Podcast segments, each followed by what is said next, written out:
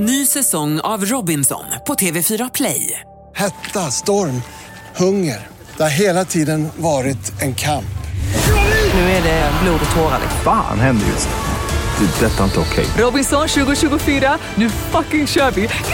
Streama söndag på TV4 Play. Fotbollsmorgon presenteras i samarbete med Telia. Samla sporten med alla matcher från Uefa Champions League, Allsvenskan, Superettan och SHL i ett paket. ATG.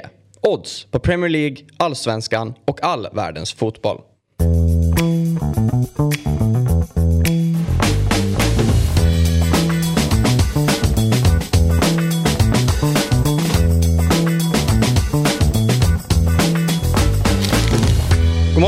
Och välkomna till ännu en dag av Fotbollsmorgon. Dag fem i ordningen. Idag sitter jag, Viktor, här igen som ja, men någon sorts vikarie, eh, får jag väl ändå kalla mig. Och en ny panel faktiskt. Eh, Axel Insulander och Sabri Suvaci. Är det rätt Ah, uttal? det var helt okej. Ja. Jag bara, jag har varit på Dobb ett år, men nej, det är lugnt Viktor. Det, det, det som är stökigt med ditt efternamn är ju att K kommer före C. Alltså när man varje gång man ska skriva det, det är ju det jag har lärt mig, att jag ska skriva upp som jag inte tänker att det är. Men alltså så här, tur, i, i Turkiet så blir ju K och C något form av ett X.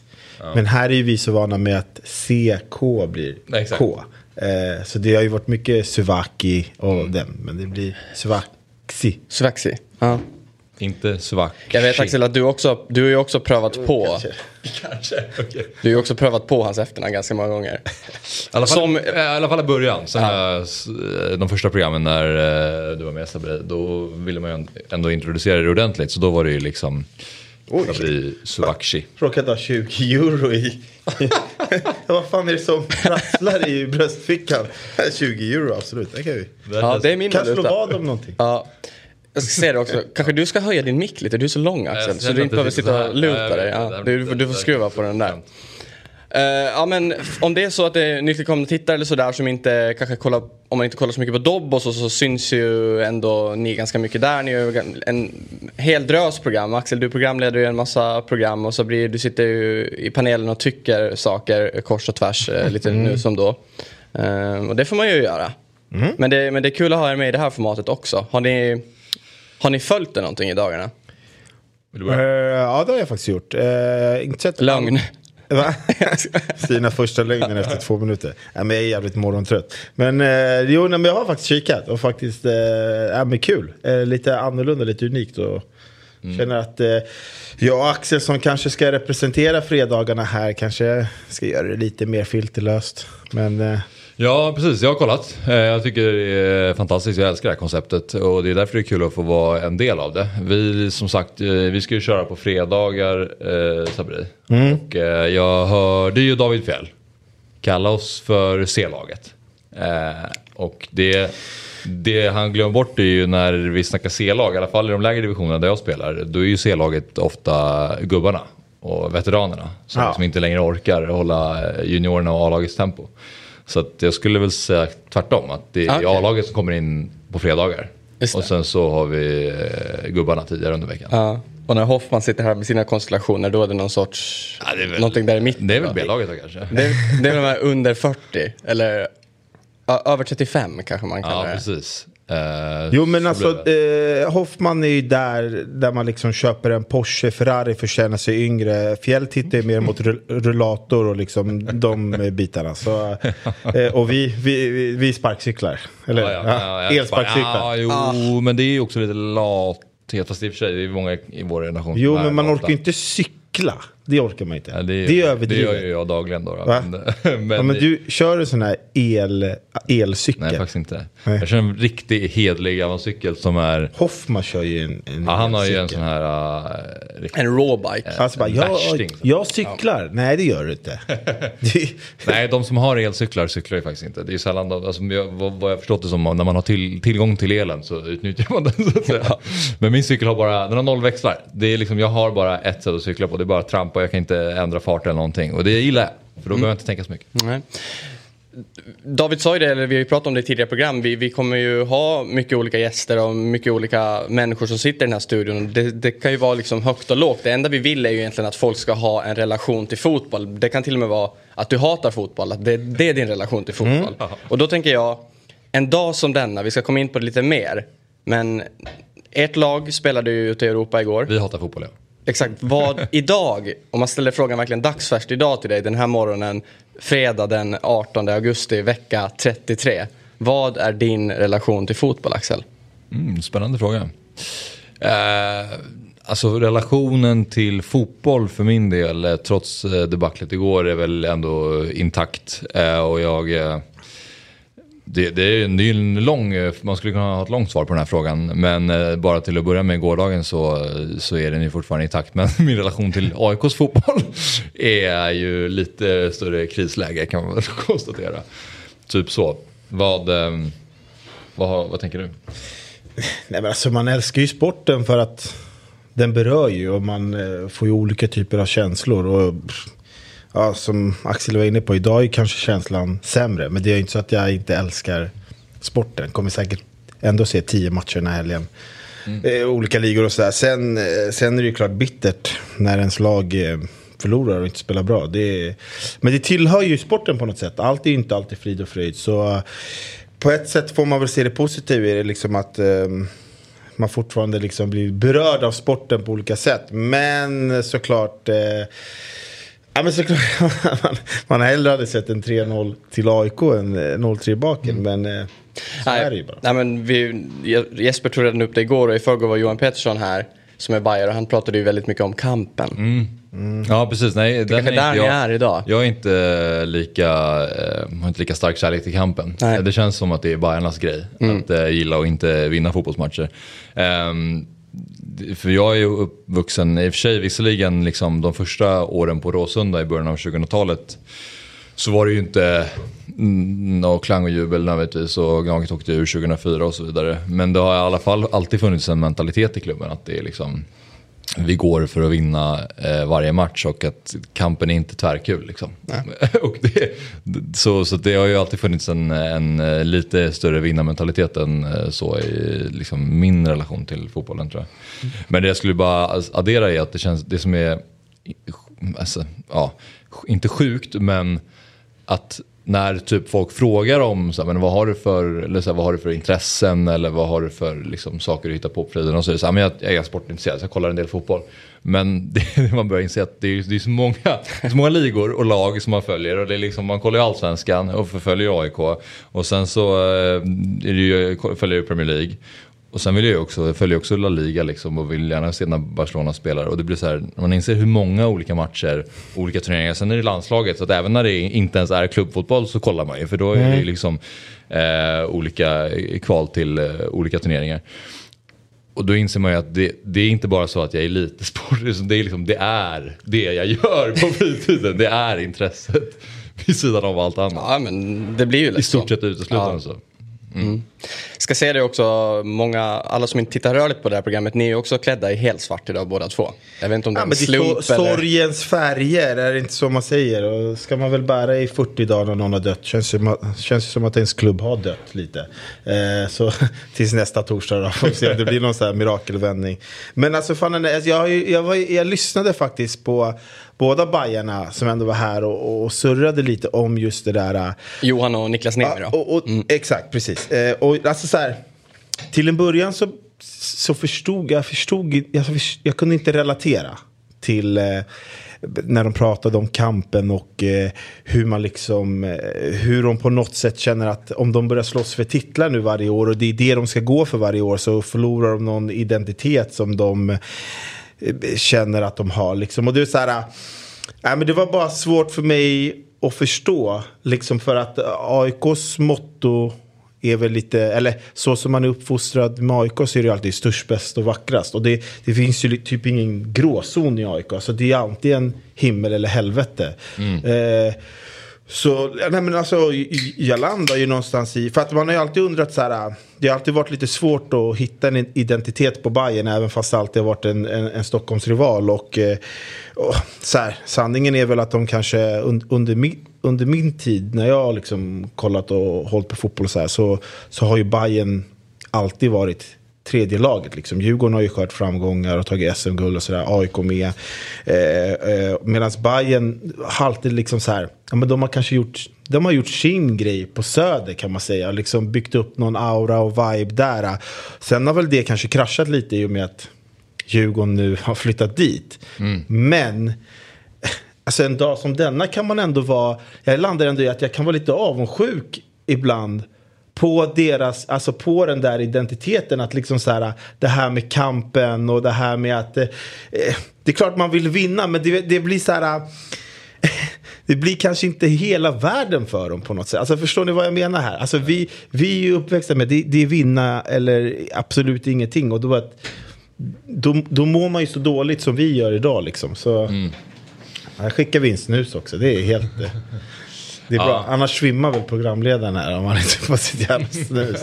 ja, men förstår du lite vad jag menar? Jag, bara, alltså, jag kunde, jag, Ja, ja, det är klart att man, det finns ju avundsjuka i det. Ja. Att eh, känna den, som du säger, att AIK är alltid svart eller vitt. Och eh, där finns det ju, de Bajarna och eh, liksom Hammarby som identitet hittar ju mer in i gråzonen oftare. Där det är liksom så här, ja, men det, det är inte, det, det är inte liksom, allt är inte bara problem om det blir en förlust med 3-0. Vill Sen man så- inte alltid ha det man inte har? Jo, jo så är det absolut. Gräset är alltid grönare på andra sidan. Så, funkar jag tveklöst.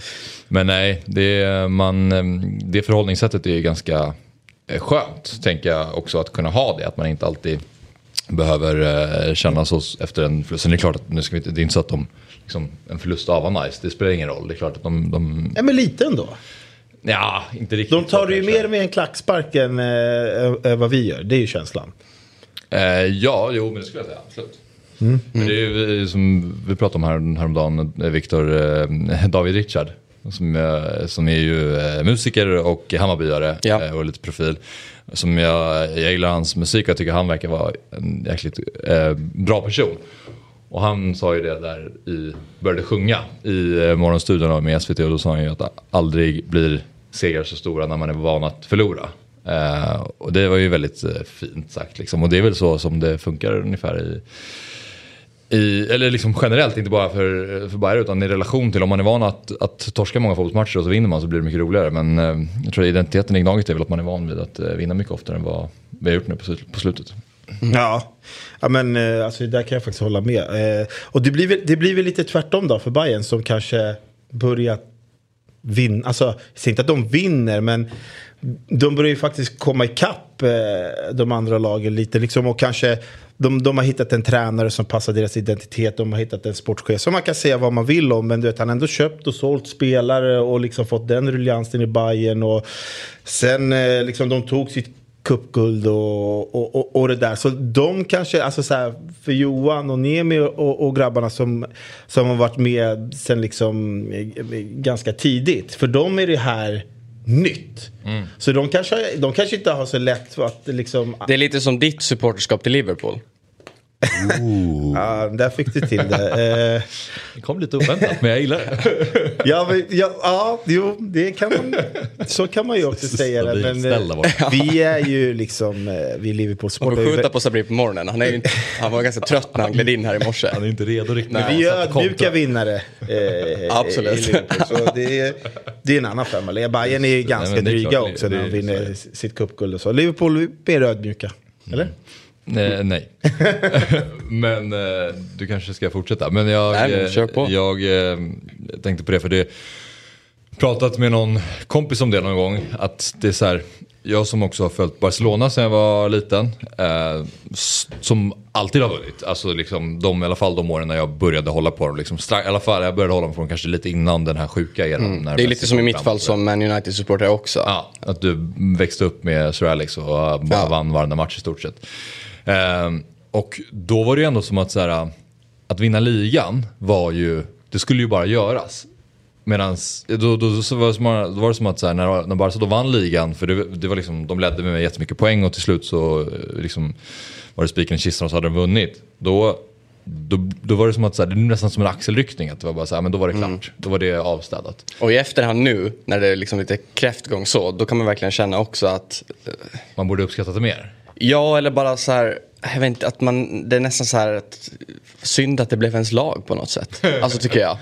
För jag menar, det var lite som, som eh, jag menar inte så att jag är heller kanske för det här bara med kampen. Jag tycker det är väldigt fint, så, eh, den grejen i det. Men jag är ändå mer som ni också, att man vill vinna. Men det var som Niklas igår också, nu drar jag mycket paralleller till det, men han, han har ju en eh, ung son.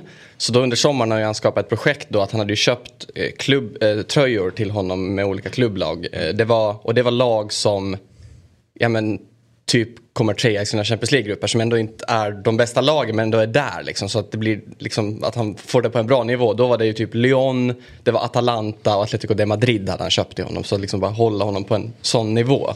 Ja, jag hörde det, jag blev, det gillade man ju verkligen. Ja. Jag tycker det är roligt att du ska vara liksom fötterna på jorden och du, du, du ska inte hålla på något lag som, som vinner några fotbollsmatcher inte, i alla fall. Eller lagom många liksom. Exakt. Men det, det är ändå så här, förstår de olika supporterskapen som finns? Alltså hålla på Bayern München. Alltså hur mycket firar man en ligatitel då? Det händer Nej, men- man vet ju sen omgång ett att man ska vinna. Ja, och det är det jag menar, för då var det ju i den diskussionen som jag hade, då var det som att så här, men hur kan du liksom inte bli så här, mer glad och känna liksom eufori, så här, laget har vunnit ligan och det, det, man, det är klart man vill ju göra det och man, man blir ju självklart glad. Men så här, det blir ju lite konstigt för att man förväntar sig att det ska ske och det håller på att ske hela säsongen. Och sen, det byggs ju liksom upp som att så här, det, det ska bara lösas. Och så gör det det. Så att det i, I relation till liksom förväntningar och, och tidigare om de har vunnit tre år i rad innan och så vinner de igen. Då blir det ju inte riktigt samma grej. Och det är som du säger, det ser man ju på på eh, till exempel Bayern München också. Att det, är- det, man, det, ibland känns det som att det krävs verkligen att försöka frammana de här känslorna. Att så här, fan, det, vi vann ändå ligan och det ska man ju verkligen inte underskatta. Men det blir ju som att man bara, det blir lite en axelryckning. För då blir det nästan som att det är så här, för de klubbarna blir det ju som att det är Champions League som ska vinna. Så då blir det den stora glädjen. Men det kan ju knappt vara där liksom. Då blir det nästan inte roligt. Då är det nästan som att man hellre är van att förlora. Exakt. Mm. Ja, eh, vi ska rulla vidare. Jag, må, jag, jag måste bara påpeka, det, det var ett tag sedan nu i sändning, men vår producent för dagen, vi har ju, för de som ser det här rörligt, då, vi har ju tre kameror. Och det är Harry som sitter och producerar det här idag. Och han var precis, för ett tag sedan var han, han, han gled förbi bild för han var och rättade till en kamera här. Den kameran som är på er två. Och där på andra sidan har vi de andra kamerorna. Och han, han gick förbi, han hade liksom, den utgående kameran var en av dem. Som han gick förbi så han syntes. Sen kom han till den här som han skulle korrigera då. Ändra lite på vinkeln. Den kröp han under. Både dit och tillbaks liksom. Så det var... ja, han har en bra förklaring. Ja, det, Ja. Ja, det, det var, han är inte vaken där borta Harry. En som inte hörs vill inte dra lång utläggning. Nej, där- en bra förklaring. Ja, Han säger att han har en bra förklaring. Ja. ja, men i alla fall, jag tänker vi ska ju såklart komma in på, eh, jag menar bland annat eh, AIKs spe, Europaspel igår. Men jag tänker att vi ska ta en liten sammanfattning bara kort kring det och lite annat så här. Ja men vi är ändå tidiga tidigt ut på morgonen här nu, kanske alla inte har stenkoll på vad som har hänt och så där. Det är ganska många svenskar som har faktiskt varit ute och spelat i conference under gårdagen, så bara riva av det lite kort. Och då kan vi bara börja med att säga då, Malmö spelade i Europa League mot Sivasspor och eh, man gick ju och vann 3-1 eh, i första mötet hemma på Eleda stadion. Zeidan eh, och Christiansen stod för målen. AIK kommer vi in på, men det blev ju en, en, en jobbig kväll i, nere i Tjeckien. 0-3. Så.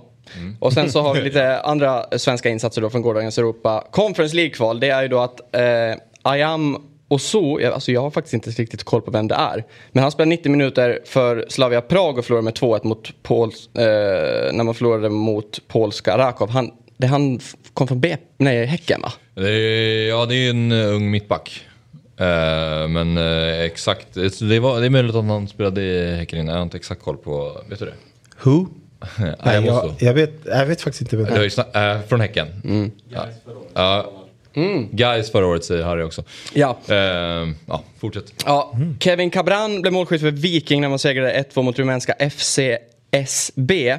Eh, för Lech Poznan spelade Jesper Karlström och Mikael Ishak mot ett Luxemburgs lag som heter Dudelang. Jag har ingen aning hur man ser det. Det borde väl vara lite fransk betoning på något sätt, tror jag. Mm, det kan nog stämma. Eh, och Ishak eh, gjorde även mål, de, de vann med 2-0.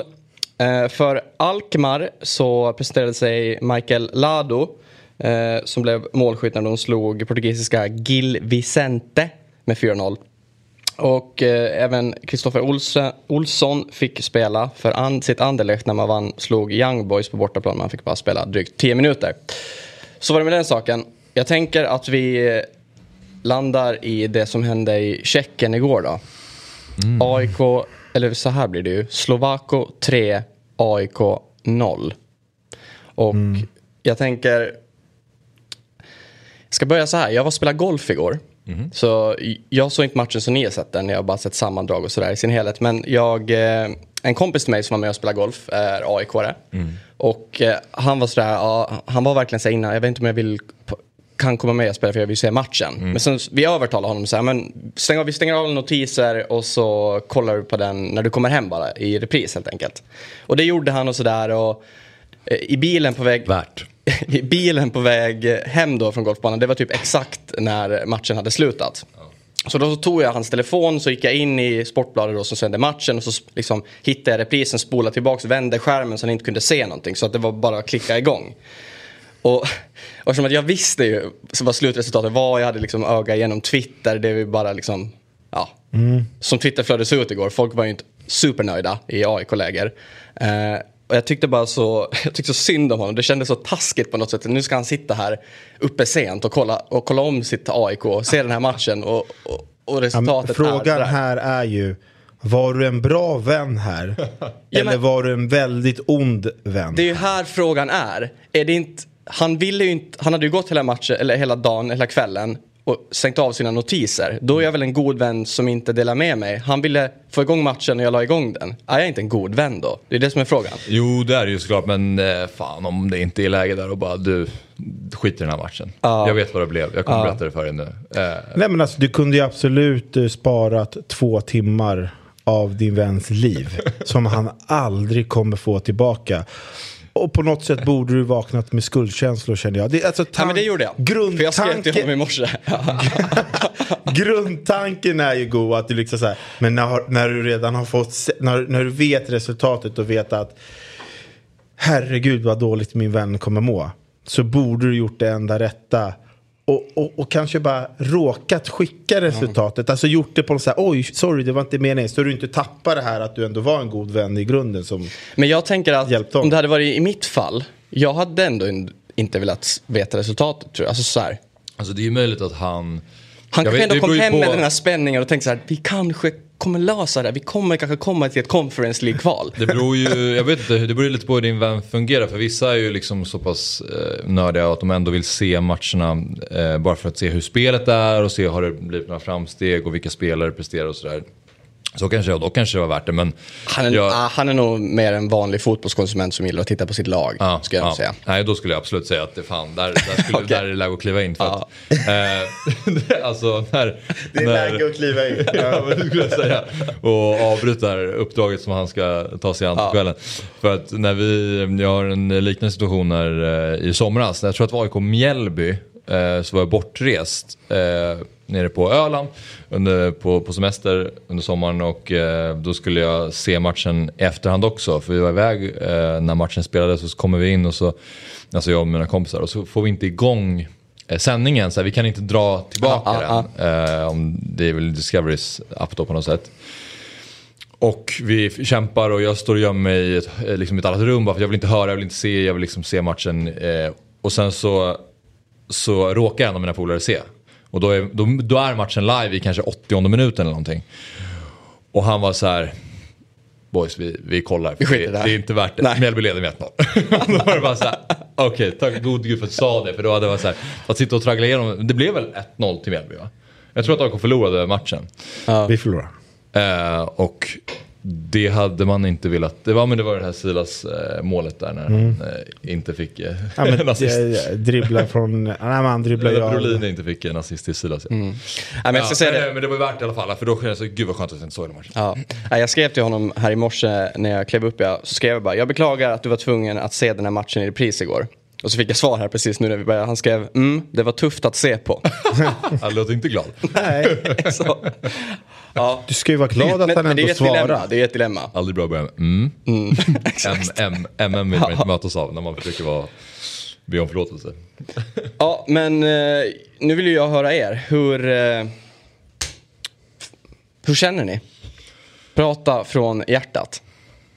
Nej men alltså, alltså det var väl tur att vi inte satt här direkt efter eh, slutvisslan. För då var man ju Alltså då var man ju ruggigt eh, besviken, förbannad och många känslor. Eh, sådär. Men eh, alltså, nu har man ju ändå inte landat i det. Men liksom, jag tänker så här, jag, jag, jag tycker inte att jag, tyck, jag tycker inte att vi ska liksom prata om själva prestationen och liksom eh, vems fel är att vi tappar första målet eller ja, Nord... Ah, alla som såg matchen såg hur dåligt det var och såg eh, vilka misstag eh, vi har gjort och vad som saknas i AIK. Det är mycket surr om liksom det här grundspelet som vi kanske inte har. Och det, har, det har vi inte haft på eh, flera, flera, flera år. Tycker jag. Grejen med Gnaget är ju att vi har haft ett solid försvar och så har vi haft individuellt bra spelare framåt. Men jag tänker lite mer så här. Vad, vad är problemet då? För att det, det är ju en trupp som ändå liksom nästan är intakt från förra året och då kom man ju tvåa. Och då slog, slogs man ju med Malmö till alltså, in i sista matchen, även om det var ganska kört. Malmö skulle möta Halmstad i sista matchen och, mm. och vi eh, Sirius. Men, eh, ja, men då är det liksom så här, då, då landar man någonstans typ i att, eh, ja men i, i de här indikationerna man har fått om att, att eh, Ja, men att eh, spelartruppen är missnöjda med eh, sin huvudtränare Bartos. Eh, och det är det man får höra, det är det man får eh, indikationer på. Att han har tappat omklädningsrummet? Ja, att, mm. han, att han har gjort det. Och, och då, då är det ju alltid så här. Jag tänker i alla fall så här att du vet. Om, om nu Bartos på något sätt eh, och AIK mirakulöst vänder på det här. Alltså om man då kollar på Bartos prestationer i AIK, att han tog över när det var lite kris, vi höll oss kvar. Året efter slogs vi om SM-guldet fram till eh, sista omgången. Och eh, är med i ett gruppspel i Europa. Är, är, är, det en dålig prestation? Nej. Alltså ser man tillbaka på Bartos tid då ser man så här, wow, vilka, alltså vilka siffror, vilken prestation. Eh, vi, eh, vi, kom två i allsvenskan och nästa år spelar vi i ett eh, kval i Europa. Men eh, samtidigt blir det så här, eh, i alla relationer tänker jag att det är så här, eh, går man inte framåt så spelar det kanske inte så stor roll vad man har gjort. Förstår ni vad jag menar? För nu kommer vi inte framåt. Det är på samma sätt som liksom alla människor vill väl utvecklas på något sätt. Och, eh, och då är det alltid så här, även om man om man trivs på ett ställe så är det alltid så här, ja, men nu, nu känner jag för att utvecklas, nu ska jag gå vidare i livet, jag ska byta jobb, jag ska testa något nytt. Och det är väl lite där liksom, jag tror att, att AIK har hamnat på något sätt för att Bartos tar ju inte laget framåt längre. Men eh, skulle vi då gå till Europa så är det ju väldigt fina siffror. Men samtidigt så ser man på spelarna, för att man måste ändå tänka att de är fortfarande människor med känslor. Och på något sätt så blir det så här att de kanske tappar bort sig i, i, alltså vad ska man säga, typ att de glömmer liksom att det är klubbmärket på bröstet man spelar för och inte för tränaren. Men det är svårt att ge 100% tänker jag för någon människa man inte har en bra relation till. Mm. Alltså, förstår, förstår ni vad jag menar?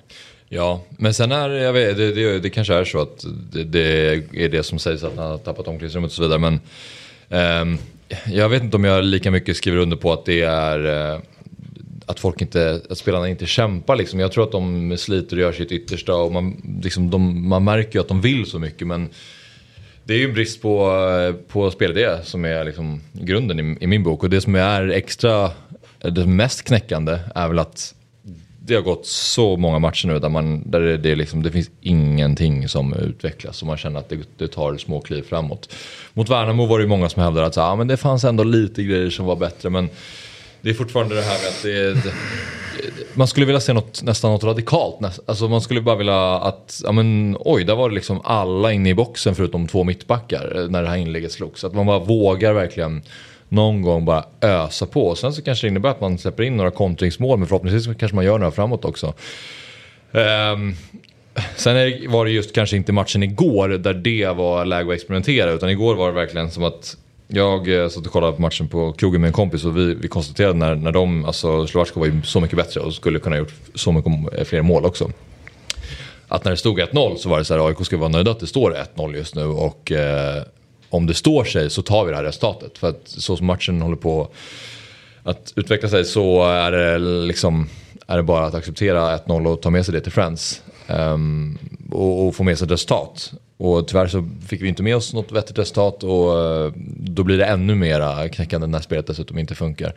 Men jag tror att till exempel Värnamo hemma i en sån match mer där, där det är läge att liksom experimentera och testa och våga liksom, ja men våga Visst att det har ändrats på formation lite grann och sådär men jag tycker fortfarande att det är, det är, det, det, det är för, mm. um, för defensivt, för, för liksom det händer ja, lite. Men, men för att bara återkoppla till det du sa också Sabri, kring att ja, men, man kom ju faktiskt tvåa i fjol eh, och man har tagit sig till ett playoff nu i Europa.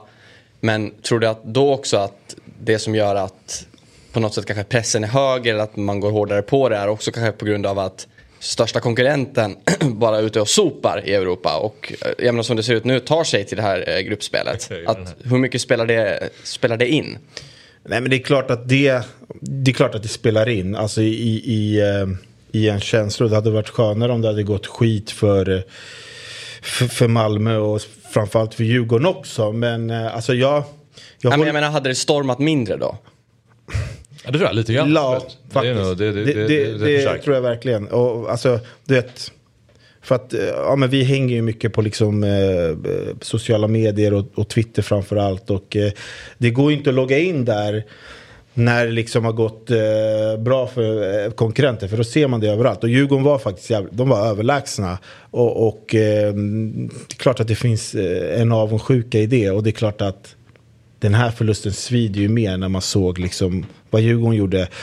Malmö på något sätt lite att man, de räknar man ju med ska slå Sivaspor hemma. Alltså, så här, du vet, du vet ja, vad jag menar, de ja, har ju den erfarenheten, de har spelat i Champions League. Där blir man ju inte... Man... Det, precis, det är en kombination av att man är van vid det och att det svider mer när det är Djurgården som... Mm. som eh, men alltså jag, jag hör vad du säger, men, men alltså med det utlägget du la om hela Värnamo och, och allt det där. Men mm jag landar ändå någonstans i att om, om det nu är så här att mer än halva spelartruppen är missnöjda med, eh, ja, med sättet man spelar på och tränaren. Och för att någonstans eh, det här kom ju inte igår i så fall. De här nyheterna kom inte igår. Och då, då har man väl någonstans kanske eh, försökt att eh, lösa det här problemet. Liksom prata med ledning och sportchefer och tränare och sådär. Men jag, jag ser det ändå som att det, jag tror att det är jävligt svårt att prestera. Att det, det är svårt för Bartos framför allt att få ut 100 procent av sina spelare när de inte har ett förtroende för honom. Det, så enkelt tror jag att det ändå är. Det, det, är svårt att prestera för en människa som man har ett missnöje med. För att, och, det, och jag vet att man ska ändå ska tänka så här, men det är inte honom man spelar för. Man spelar för klubbmärket, man spelar för liksom AIK, Djurgården, Bayern, vad det än är. Man spelar liksom inte för tränare. Men jag tror att det är svårt för spelare att i, i stundens hetta skilja på de här sakerna. Och framförallt om man då tappar ett omklädningsrum. För vi har ju ganska mycket äldre erfarna gubbar.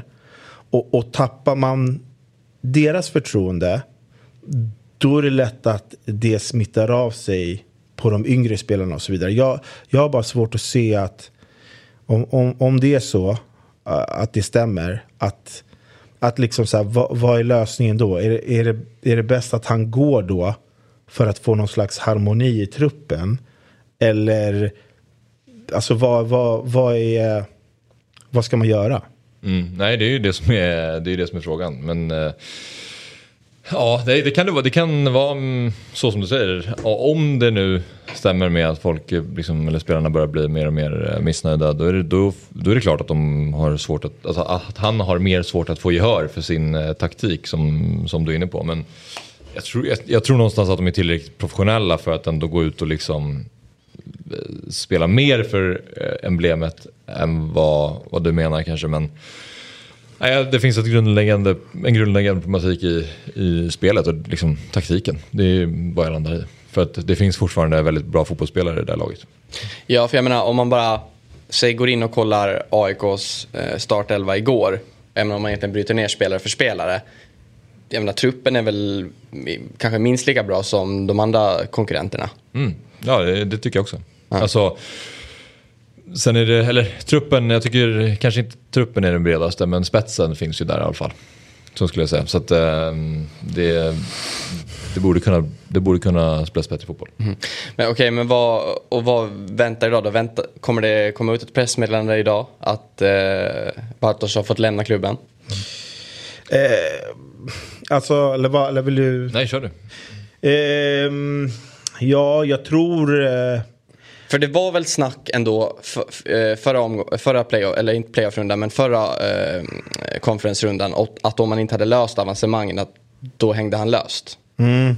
Ja, och jag tror, de har haft, jag tror de har haft de här diskussionerna eh, alltså intakt in, inför det här playoff, playoffet, alltså det här sista playoffet också. Att liksom så här, v, vad är bäst för AIK just nu? Vad ger oss störst chanser att ta oss vidare från, eh, till, till gruppspelet? Är det att eh, sparka Bartos eller är det att eh, låta han sitta kvar? Jag tror att det är de diskussionerna som sker.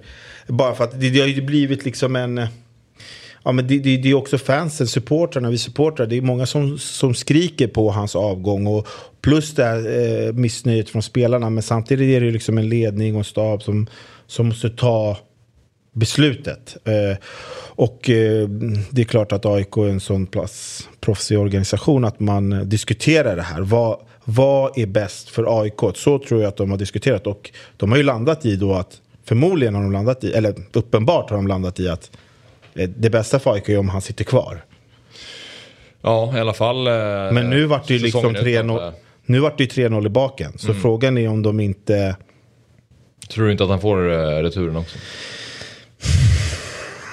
Ja, alltså jag vet inte. Jag, alltså jag känner så här. I så fall, Vad vill du?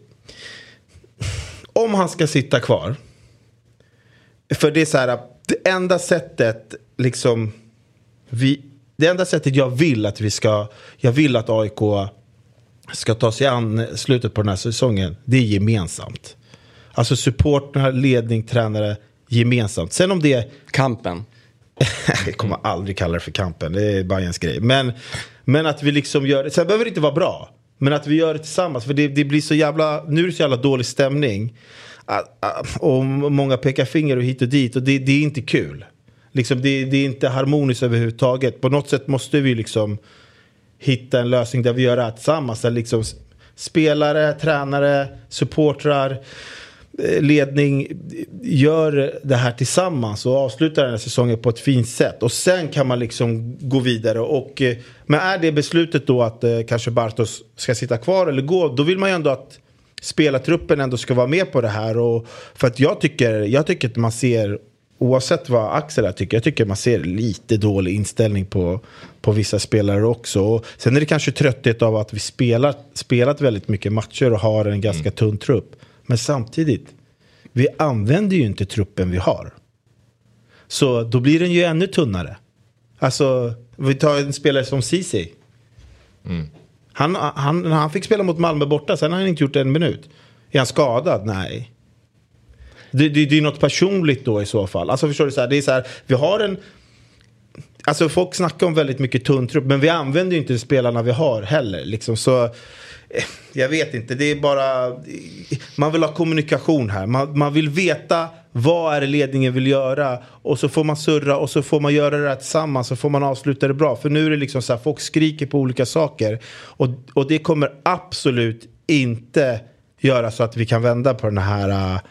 Eh, alltså på, på, på, på det här eh, matchen mot eh, Slovako. Liksom. Vi kommer inte vända på den matchen om det är så här det är kring klubben. Liksom.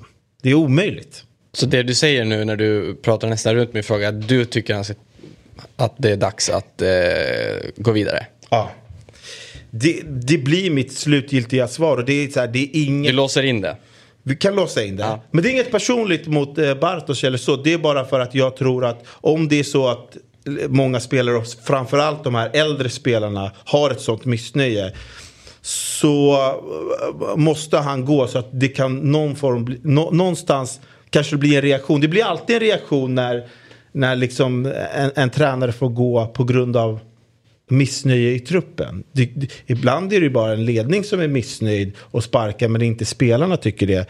Eh, här är det, verkar det ju vara mest spelarna. Och det är de som ska göra det. Så om han försvinner då får man väl förhoppningsvis får man väl tro att det kan bli någon form av reaktion och att eh, liksom man kan, kan nå några procent högre och eh, lyckas avsluta säsongen på ett bra sätt. Hur säger du Axel? Eh, nej men jag, jag vet inte, det det är lätt att fastna i, i Gnaget känns som här. Men, men eh, jag, jag, Vi ska gå vidare. ja, jag, Men- absolut. Men eh, jag tänker väl att jag tror att det kan vara nödvändigt. För det, och jag återkommer till det som jag var inne på tidigare. Alltså jag tycker att man inte har sett en förändring på, alltså det har ändå gått så pass lång tid nu och det går snarare åt fel håll än åt rätt håll. Och det är ju, man, man tyckte att Skandia-matchen var liksom ett lågvattenmärke men sen så kommer nästa match som är som är nästan värre spelmässigt. Så att det, det går liksom inte åt rätt håll. Mm. Vem, eh, vad lyfts det för namn då som skulle kunna vara en tänkbar ersättare till Bartosz? Ja men det är väl det som är det svåra. Vem ska, ha, vem ska ta platsen liksom? Vem ska ta över efter Bartos? Och eh, jag, har inget, jag har inget tydligt namn som jag känner såhär, honom vill jag se på posten. Eller det finns såklart tränare men som är mer realistiska. Det snackas om att folk vill ha, alltså jag tror att många eh, supportrar nu bara vill ha en tränare som har en tydlig spelidé eftersom det är det som har funnits en avsaknad av. Och eh, då är det ju liksom folk som pratar om Henrik Rydström. Och, men närmast nu så mer realistiska skulle det väl vara typ att Henok kliver in eller att det är någon från eg- egna organisationer. Men han saknar väl en licens för det va? Men Peter, alltså ja det är väl eh, någonstans där, eller Peter Wenngren som går in och så Henok assisterande. Alltså någon, någon, Wennberg, som, ja. någon som känner truppen, eh, någon som liksom, sen kommer vi liksom inte, kommer, jag tror vi kommer inte spela någon eh, superfotboll bara för att vi liksom byter en tränare. Men vi kommer kanske få en annan harmoni i truppen. Och AIK, det har alltid varit ett humörlag. Alltså så här, när laget mår bra och liksom så här, det är harmoni, då slår de alla. Det, och, det betyder inte att, alltså så här, kom igen, när vi vann SM-guld och så här och alla de här grejerna. Vi spelar ingen rolig fotboll, vi spelar ingen bra fotboll. Men vi hade ett tajt defensiv, vi hade en harmonisk trupp som var liksom så här, det är ju där hela testa stör-grejen kom ifrån. Liksom, att, det, vi spelade, vi vann 1-0. Det var, inte, det var inte roligt att titta på. Det, vi hade inget grundspel. Vi hade inte 80% bollinnehav och allt det där vad man kan önska sig. Men vi vann på ett tråkigt sätt. Men vi vann. Eh, ja och då, det rättfärdigade ju eh, bristen på idé för att fotbollsmatcherna vanns liksom. Men Mm. när de, nu när det liksom släpps in massa mål bakåt och det inte längre vinns några fotbollsmatcher då finns det ju ingenting kvar. Nej, och, och, ja, det, det blir väl en kortsiktig lösning. Men sen har jag också förstått det som att både Brännström och Rydström är någonstans överst på listan. Men eh, tydligen är, det ryktas ju om att det är samma personer på Malmös lista. Och där finns det en annan, det finns ju en annan plånbok där om man säger så. Men eh, ja, vi, får väl, eh, vi får väl se vad AIK landar i. Jag tror i alla fall inte att det är Bartos som tränar AIK nästa år. Nej. Tror ni att, alltså sett till då, jag menar AIKs jag menar, tydliga sätt som man spelar fotboll som man har gjort. Jag menar, det är ändå i det, eller vad man ska säga. Eh, och varit. Jag menar, man, man är ganska defensiv och man vinner 1-0. Jag menar, det var väl det Norling försökte förändra för ett par år sedan när han fick gå.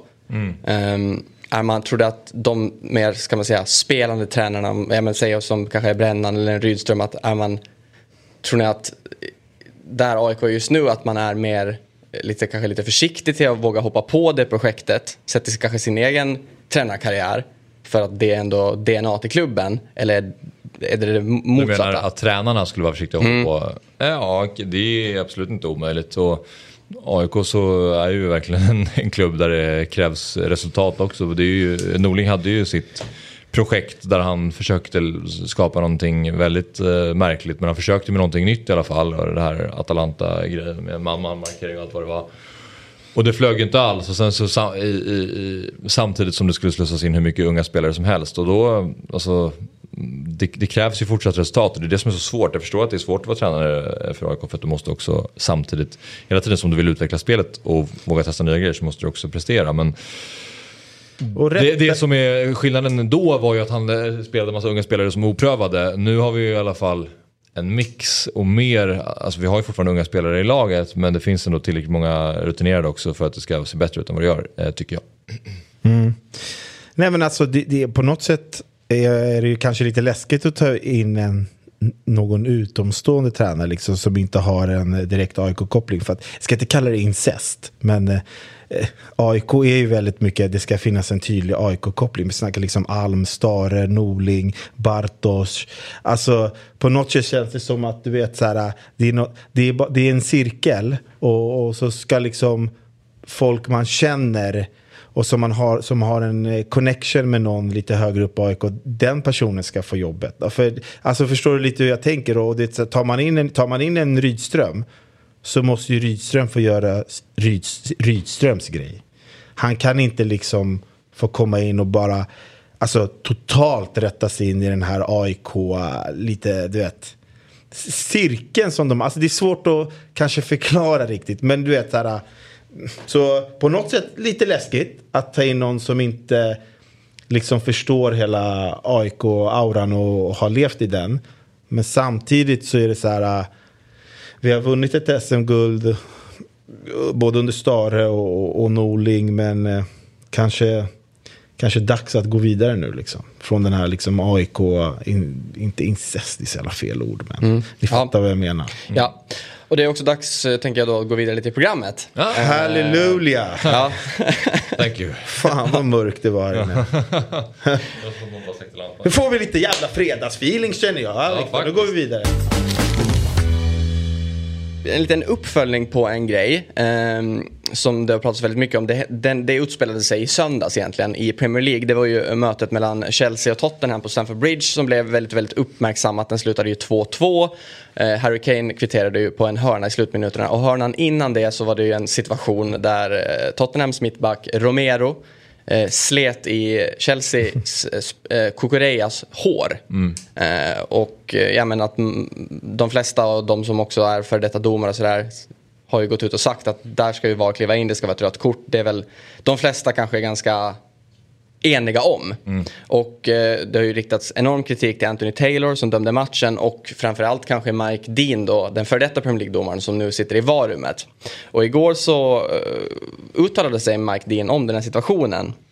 Och det han sa då var att, eh, att från varummet, han kunde inte gå in, man kan, de kan ju inte gå in från varummet och tilldela en frispark på en situation. Men det de kan göra är ju att kolla då om, om det är ett rött kort. Och han gick ju faktiskt ut och sa ändå att det kanske var ett misstag, och, eller det var ett misstag och att han borde ha sett, sagt till Taylor då att han skulle ha gått ut i skärmen och kollat, reviewat om det skulle vara ett rött kort.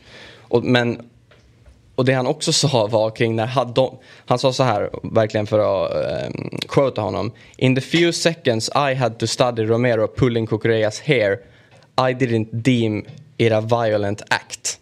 Det tycker Men det känns som att han är någon... Nej, Alltså, det känns, alltså, fan. Lägga hatten på hyllan eller på att säga. Nej men alltså det... Vi kommer tillbaka till det här som vi har lite surrat om.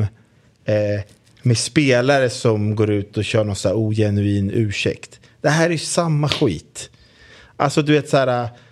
Var tydlig då. Jag vet du vad, det, det var ett rött kort, jag gjorde fel. Bra, straffa mig för det. Eller du vet liknande. Men du vet så här. Jag borde ha sagt till honom att gå ut och... Vad är det för jävla skitsnack? Kom igen, du har varit, hur länge har han varit domare? Ja men länge. Och det, här, och det här är vad han tyckte var en rimlig liksom, förklaring till all hatstorm och sånt han har fått. Det var det alltså, bästa men, men, han jag, tycker bara, jag tycker bara jag menar vi vet redan att det är ju, det är ju fel. Och hans, här, det är ju sällan de går ut och säger bara ah, jag gjorde fel. Han säger, ju det, han säger ju att han gjorde fel, men på ett annat sätt. Men jag tycker bara det är så kul att han inte tyckte att det var en violent act. Alltså, all, för alla som har sett det, om, om man nu förmodligen inte har sett det, alltså, han sliter ju ner honom i håret. Men det, ja, verkligen. Men alltså när jag såg det första gången, då, då, då, tänk, då reagerade inte jag så här, oj, blodrött. Det där är det rödaste kort jag sett. Utan då tänkte jag så här, oj vad gör han typ? Och han, han river ner honom lite grann. Alltså, om, om, nu är det ju håret såklart och det är det som gör situationen. Men om man, om man hade slitit honom i liksom tröjan och dragit ner honom där. eh, så hade man ju absolut inte reagerat på samma sätt. Och, eh, alltså, det var någonting, någonting i situationen som, jag, jag säger, inte, att, tror jag jag säger inte att- att jag ja. förstår Mike Dean här men det fanns någonting i det som jag kände så här. Jag, jag reagerade inte på att det var världens grej där och då. Faktiskt. Okej, intressant. Men jag tänker också, eh, Anthony Taylor står ju också precis bakom den situationen. Hade han rivit honom i tröjan, då tror jag ändå han hade klivit in direkt, tagit frisparken. Ja, det är, det är möjligt. Ja. Men det är ju som är... och- och- 100%. Nu kommer jag inte ihåg vilka som kommenterade matchen men det, jag minns bara att eh, de inte riktigt hängde med på vad som hände. Och då sitter man hemma och bara, "Va? ni måste ju förstå situationen. De var så här, kollar de på om det är straff eller vad är det, vad är det som händer här egentligen? Då är det så här, men det kan inte bli straff Nej. när liksom Kukureya som ska försvara hörnan Blir neddragen. Det vore väldigt märkligt liksom. Ehm, så till slut så kom det upp där att de kollade på om det var red card liksom. Eh, men ja, det, det, det är en bortförklaring såklart. Från, från Men det. tror ni att, eh, alltså eftersom Ro- Romero har en sån liksom, eh, en, en historik av att liksom vara en sån spelare som kan göra en sån grej. Tror ni att han kanske kom lite undan med det för att det är just Romero och man vet att så här och de två har ju varit på, alltså Cucurella stämplade ju Romero på låret lite innan det där. Alltså, de har ju hållit på hela matchen liksom. Så, och, och, och att liksom hela grejen med Conte Tuchel som hade gått tre, tre ronder innan det där och så här, kan det vara en så här äh, grej att de kanske inte blåste och tänkt, tänkte de kanske så här matchen är ändå över. Eller att det var liksom, du menar att det var typ en del av resten av det här Ja, men det var ju kaosmatch. Liksom. Ja. Ja. Och så, så här, ska vi ta ett eh, rött kort här på Romero eller fan. Det, det, är det är ju hörna, sen är det över. så vart det ju liksom mål. Det- och, det så, ju- och då kanske de tänkte så här, fan. Det är ju, jag vet, jag vet inte om det var så de resonerade, eller det var det nog inte, men det är ju sant att, att tidpunkten på en match kan påverka ganska kraftigt. Alltså, speciellt om det där hade hänt eh, efter 30 sekunder, eller i alla fall alltså, sådana situationer som sker väldigt tidigt. Då brukar ju domarna vara mycket mer så här, ah, matchen har knappt börjat, liksom, vi har inte kommit in i det, det är lugnt. Då, kan man liksom, då finns det ändå en lucka på fem minuter där man kan spela mer aggressivt och, och hårt innan det, fatt, innan det liksom plockas upp kort. Ja, men det, det, så är det ju liksom alltid. Alltså, Taylor hade ju en svettig dag på jobbet. Alltså, det, det, det var ju ett ruggigt London-derby med liksom måltacklingar och så tränarna och alltså, fan, hela bänkarna gick ju mot varandra. Så, jag vet inte, det, var bara en tanke som slog mig nu. Liksom. Jag har inte tänkt innan. Innan har jag faktiskt tänkt att eh, vilken dåre han är och mer och, och, och, och att det faktiskt borde lett till i alla fall frispark. eh, Men det får de ju, det får ju kanske VAR inte gå in och ta liksom sådär. Men att jag tyckte att det var, det var, en- det var inte rättvist att den där hörnan skulle få slå så det blev mål. Men nu slog mig bara tanken liksom att kanske kan ha varit på det sättet också. Undrar om man är håröm. Kukureya. För då, då kan det nog ha gjort ont. Men det är ju Om man också- inte är det så då är det gult. Men det är ju också, det, det, då, jag spann vidare lite på det här tidigare så tänkte jag också så här, både Anthony Taylor och Mike Dean, de, de är ju uh, snaggare. Eller de har ju inget hår på huvudet. Kanske de liksom, de har ingen förståelse De kan inte för det relatera. Ja, kanske det är så enkelt. Och Romero tycker ju inte män ska ha långt hår. Han är ju en sån kille. De ja, är- absolut, så kanske det är. Ja.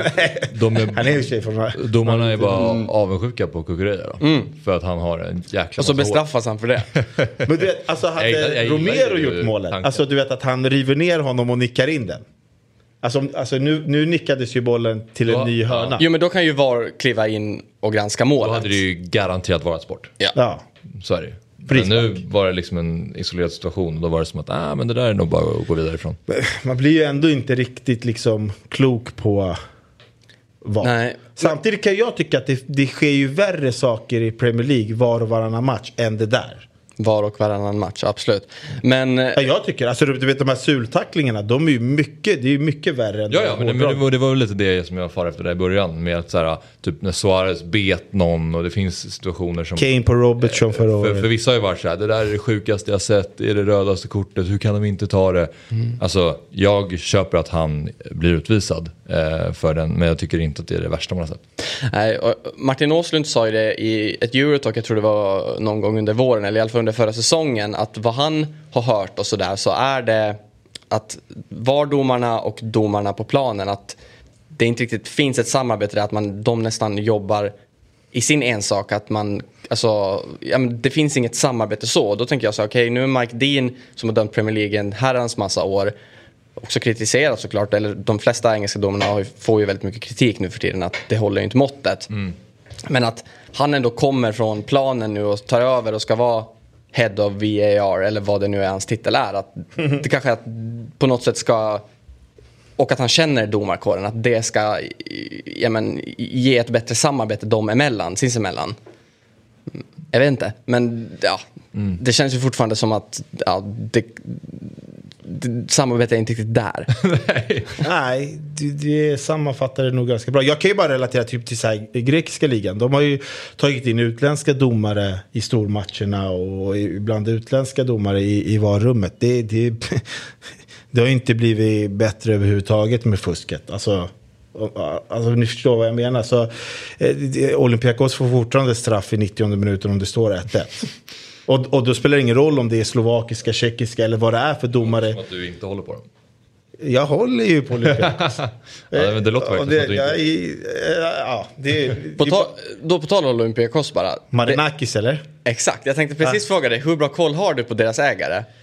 Alltså, det, det, Han är ju någon sorts media-mogul i Grekland Ja, väl? men eh, han är mycket annat också. Det finns ju ruggiga historier om, om, om, om den gubben. Nej, men han, han äger ju också liksom hela Pireus hamn som är en stor hamn i, i, i, eh, i Aten. Eh, och eh, håller på med fartyg och alla de bitarna också. Men han är ju också en stor mediemogul Han, han är ju väldigt, väldigt rik. Men han hade ju eh, en grej här för några år sedan då liksom ett av de här fartygen som är hans eh, hittades ju extremt mycket heroin på. Eh, vi pratade, och då var han ju under luppen och, och det året jag kommer inte ihåg exakt vilket år det är, men jag tror det är det året som eh, Ike vinner ligan också. Eh, när Astrid spelade där, eller om det var Pauk. Men, eh, och det har ju absolut ett samman... Eh, alltså det, det, det, det är ingen slump att ett annat lag vann när Marinakis tillgångar var lite låsta, om man säger så. Men varför är han aktuell nu då? Har det- För att Marinakis äger också Nottingham Forest. Ah. Och de spenderar ju inga pengar. pengar. Som nu eh, håller på att slutföra sin sextonde, de är nykomlingar i Premier League då. De håller på att slutföra sin sextonde värvning för säsongen och det är ju eh, Wolverhamptons eh, Morgan Gibbs White som ryktas till, ja men för typ en halv miljard. och, och Nottingham Forest har ju spenderat, jag vet inte exakt hur mycket det är nu men det är ju så extremt mycket pengar. Det, jag tror det bara är Chelsea som har spenderat mer pengar i Premier League det här transferfönstret. Och det var bara därför jag tänkte fråga dig Sabri, alltså hur, Jag tror man spenderar mer pengar också än typ så här, samtliga lag i La Liga om man tar bort topplagen. Ja, men helt säkert. För där spenderas det ju inte många, många Nej, miljoner precis. egentligen. Har någonting, har någonting gjort det? Ja, ja. Det är helt sjukt. Ja, det är helt galet. Va? Nej, men alltså, alltså alla, så, alla som är från Grekland och vet vem Marinakis är, det är ingen som skulle säga den där killen har ju helt rent mjöl i påsen. Alltså eh, tvärtom. Han Ja, har fått eh, från Marinakis. det är ju Marinakis. Han jobbar mycket cash också. Han, men han betalar lite för lite för att jag skulle prata gott om honom. 20 euro räcker inte. Fan, han- Det är ändå kul att vi har vår 20 euro-serie som ligger på bordet. Det här känns också som en sån grej som du skulle kunna förberett innan. Varför- jag vem hittade är jag svär? Jag Men jag, jag, jag märker på dig att du faktiskt hittade den på Nej, Jag bara, riktigt. vad fan är det som lät i... Ja, ja, skitsamma. Men, Pojken med eh, guldbyxorna. Men, Men, men han var ju under, han var ju under, eh, under luppen där. Så det var, de stoppade ju alla hans fartygs eh, grejer och skulle gå igenom dem och, och det skulle bli en rättegång och, och, och eh, liksom det, det var ju 40 ton heroin eller något sånt där vi, vi surrade om. Och, eh, ja men ehm, också av en slump. Och, 40 ton. ja men det var, nej men det var ju extremt Ja, nej, mycket. det, jag har ingen aning om det stämmer. Men det Och, var och liksom. Man har ju läst att liksom mycket av det, om vi ska gå in på sådana grejer, mycket av liksom droger som finns i Europa kommer via den där hamnen. Och det är ju hans hamn liksom. Så, eh, men av en slump där då, när det var liksom rättegång, då hittade de ju ett par kilon av samma heroin i, eh, i en bil med fyra albaner eller kurder bara. Sådär, från ingenstans. Och de åkte ju fast och, och tog på sig hela grejen och Marinakis gick fri. Och sen dess har ju Olympiakos vunnit ligan varje år igen. Så eh, det var nog inte heller en slump att det råkade... ah, Allt känns ju så jävla sammankopplat. Men Marinakis gick ju Ja. fri från det där. eh, Olympiakos eh, skördar sina framgångar och vinner år efter år. Och eh, liksom nu har man ju haft... Eh, nu har man ju haft liksom sin bästa vän Daniel Sundgren som också spelat. De har kommit ännu närmare det här eh, känslan av att Olympiakos, eh, de har sin egen lilla verksamhet i Grekland. Och, och, Var det inte alla lag i Grekland sin egen lilla verksamhet? Eller? Jo, men de, är in, de kan inte jämföra sig med Nej, okej. Olympi, alltså Olympiakos i storebrorsan. Sen kan de andra liksom göra Är absolut de liksom fifflarnas, eh, de som fifflar mest?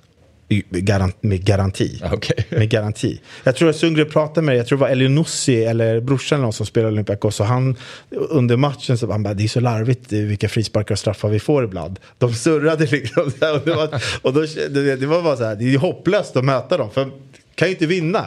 Oavsett hur bra du är. De förlorar ju någon Varje gång Olympiakos förlorar i ligan, då tänker jag direkt. Det här är, det här är, någon, här, det här är någon spelfusk som de bara gör. För att, du vet. Då, eh, men eh, hur som helst, nu, Ja. nu är han ju här med Nottingham i Premier League och eh, han satsar ju för att liksom... Eh, Ja men verkligen. Men, Hålla sig kvar. så man kan med andra ord säga då att om de som kanske väljer att kolla in eh, Nottingham Forests match mot Everton eh, i, jag tror det är på lördag. Tänk då att det är he- heroinpengar som har finansierat dem där då. 40 Lite skämtsamt sagt såklart. Det ska, ska dock sägas att jag, jag får faktiskt till mig här från redaktionen Sabri att det var ju 2014 han åkte fast för det här och det handlade om 2,1 ton heroin. Ja, det är jag- också väldigt mycket. Jag men det är gillar ju att krydda ibland. men det, är, eh, men det är ju inte 40. nej, men Det är liksom fan, man 20 ska, rund, ska man inte runda uppåt? Men, Men eh, 2,1 är heller inte lite. Men. Nej, 2,1 det är också... Ja, det är inte alla en siffror på plats, men jag vet att det var en jävla härva han hamnade i i alla fall. mängd. Det är, det är roligare om man skarvar lite. Ja, det är klart. Men, och ska också sägas att Nottingham Forest Director of Football är också från Grekland. Han heter Dorekas. Och jag tänkte, då tänkte jag bara så här, eftersom att vi, då, det pratades ju om det igår också här i Fotbollsmorgon kring United och typ alla spelare som ryktas till klubben. Det är nu håller du på kring Casemiro och det har varit den ena och den andra. Att, kanske att det hade varit ett namn för United då. Det här har vi i alla fall en sporting director som får saker att hända. Ja, men är det verkligen det som Manchester United... eh, Det, det, är det det som är problemet? Alltså de, värvar, de har ju värvat så mycket spelare men ingenting funkar. Jo, men nu är, det, nu är det en ny upplaga. Han, John Murdo, som är nu, han är den första eh, med den titeln någonsin i klubben. Man har inte haft den, den typen En sporting innan. Nej, director? precis. Ah, Okej, okej. Eh, men ja, Ja, det kanske... sido, sidospår. Sista United behöver ju nog en grek, tänker jag, som ska styra och ställa. då, då, går det, då kommer det gå. Alltså, och folk säger så här, det kan ju inte gå sämre. Jo, anställ en grek. Eh, det, enda som kommer, det enda som kommer vara topp, det är städningen på eh, anläggningen i United. Sen Men, eh, då, men då är jag ändå nyfiken på fråga dig Viktor som eh, håller på Manchester United. Vad tycker du att klubben ska göra för att hamna på rätt köl igen? Det, är ju, det här är ju 100 Money miljoners fråga. Exakt. Nej, men det, det Du han- kanske löser det nu?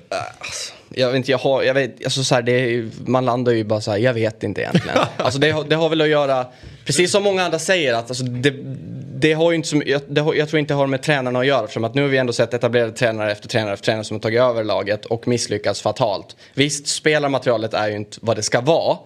Men det har ju att göra i organisationen. Jag menar, det är ju bara om man till exempel som Rangnick. Alltså, sett till det han fick ut av spelarna på planen var ju hans tid, det är ju ett skämt så. Men han kom ju fortfarande in och han var ju väldigt öppen och rak i det han sa i media som jag ändå kan uppskatta om man jämför typ Solskär som kändes som bara var en, eh, en, en kille de ställde dit för de visste att han eh, ha, liksom agerade efter vad klubben ville och han sa det klubben ville. Och han gjorde, han gjorde dem till lag helt enkelt. Men Rangnick kunde ju faktiskt sitta på en presskonferens och säga ja men det kommer behövas tio spelare in och, i sommar och så vidare och så vidare. Och sen försvann han. Så jag, tror jag tror det kan finnas något samband i det där att inte han är kvar heller. För han, han, han ska ju komma in och han vill ju ha fullt ja, men, mandat då för att få ändra på saker och jag tror inte man får inte helt enkelt. Och det, Det- är där problemet är. Det har inte att göra med spelen, det har inte att göra med tränaren, det har att göra med klubben i sig. Man, man är bara kvar i det gamla. Ja. Men för om man, vi pratade ju så, så mycket om AIK tidigare, men om man bara drar den parallellen att det, där är det ett så här krisläge, vad ska man göra, ska man byta tränare? Men där finns det ändå så här, någonting på andra sidan, att det känns som att ah, men det skulle, om vi byter tränare så kan det bli ett nytt spel och det kommer kunna liksom se ljusare och bättre ut. Men för Manchester Uniteds del så är det som att nu har ni, ni har bytt så många tränare, ni har bytt så många spelare, ni har testat olika spelsystem, Ja. men ingenting fungerar. Och då måste ju- det måste vara så himla hopplöst. Ja, Okej, men det är kört. Det finns ingenting vi kan Nej, göra. men man har ju börjat, man har ju börjat bli likgiltig. För det finns inte heller det här om man ska vända sig till kampen igen. Den finns ju inte ens heller. För det finns, jag menar som då som Bayern-supporter, man, man kan ändå enas i det. Man har det när du står där på läktaren eller när du träffar dina kompisar. Det finns ju inte i en klubb som, som ändå är kanske världens största varumärke när det kommer till fotboll. Nej men ä- alltså United känns det inte lite som att det är så här. Alltså de har ju testat allt som du sa. Men är det inte så här, känns det inte som att det vi inte ser, det är de här riddarna runt det runda bordet som styr och ställer allt. Och det, det spelar ingen roll vilken spelare eller vilken tränare de tar in. Det är de där gamla gubbarna som liksom ser eh, saker ur sitt perspektiv. Och du vet, så här, det känns som att de du vet, så här, inte hänger med liksom, i, i vad som sker i världen. Och, du vet, eh, alltså, förstår du lite vad jag menar? Att Där är problemet. Li, liksom. lite som 50 och 60-talisterna på sociala medier idag. Ja men, det är det. De, men- här, de här grabbarna, eller gubbarna, de, de vet ju inte ens vad sociala medier är. Du vet, eh, de, du hajar vad jag menar? Men problemet är ju just det att, att Manchester United inte accepterar kampen. Alltså det är inte i klubbens DNA för att det ska vinnas fotbollsmatcher. Om det hade varit så att ni Men det inte tycker hade- jag är ju rätt, det är inte det jag menar. Men jag menar bara så, som vet. supporter att man skulle enas i det. Absolut, Så. men jag menar bara, och om ni hade varit en klubb som inte hade haft det, den historiken och eh, varit ett lag som inte har vunnit lika mycket så hade det inte varit ett lika stort problem att det hade gått, börjat gå så här dåligt för att ni hade då kunnat liksom Ja, men vända på det mycket snabbare om du förstår vad jag, vad jag far efter. Mm, alltså att, att, ja. det, att man kommer kunna ge man, man ger tränare kan ge tränare tid utan att supportrar gnäller efter. Jag menar typ med Ten Hags inledning nu. Att de har torskat två, tre matcher. Eh, två Snart matcher. tre av tre. Ja, eh, precis. Två matcher och gjort det väldigt genant. Mm. Då är det bara som att allt är fullständigt kaos igen. Och det känns som att, ska han få sparken nu? Det, det, det går ju, man måste ge honom tid. Och i andra klubbar så kanske Mm. det, han hade kunnat få det. Men Manchester United har ju en helt annan kravbild. Ja, exakt, och, verkligen. Och apropå det då så här. Alltså det känns ju verkligen som att spelarna på plan, de vill ju inte vara på plan. Jag tyckte, jag lyssnade på, det var lite kul för, eller Filip och Fredrik i deras podcast, de, de tog faktiskt upp den här matchen i deras program, avsnitt igår.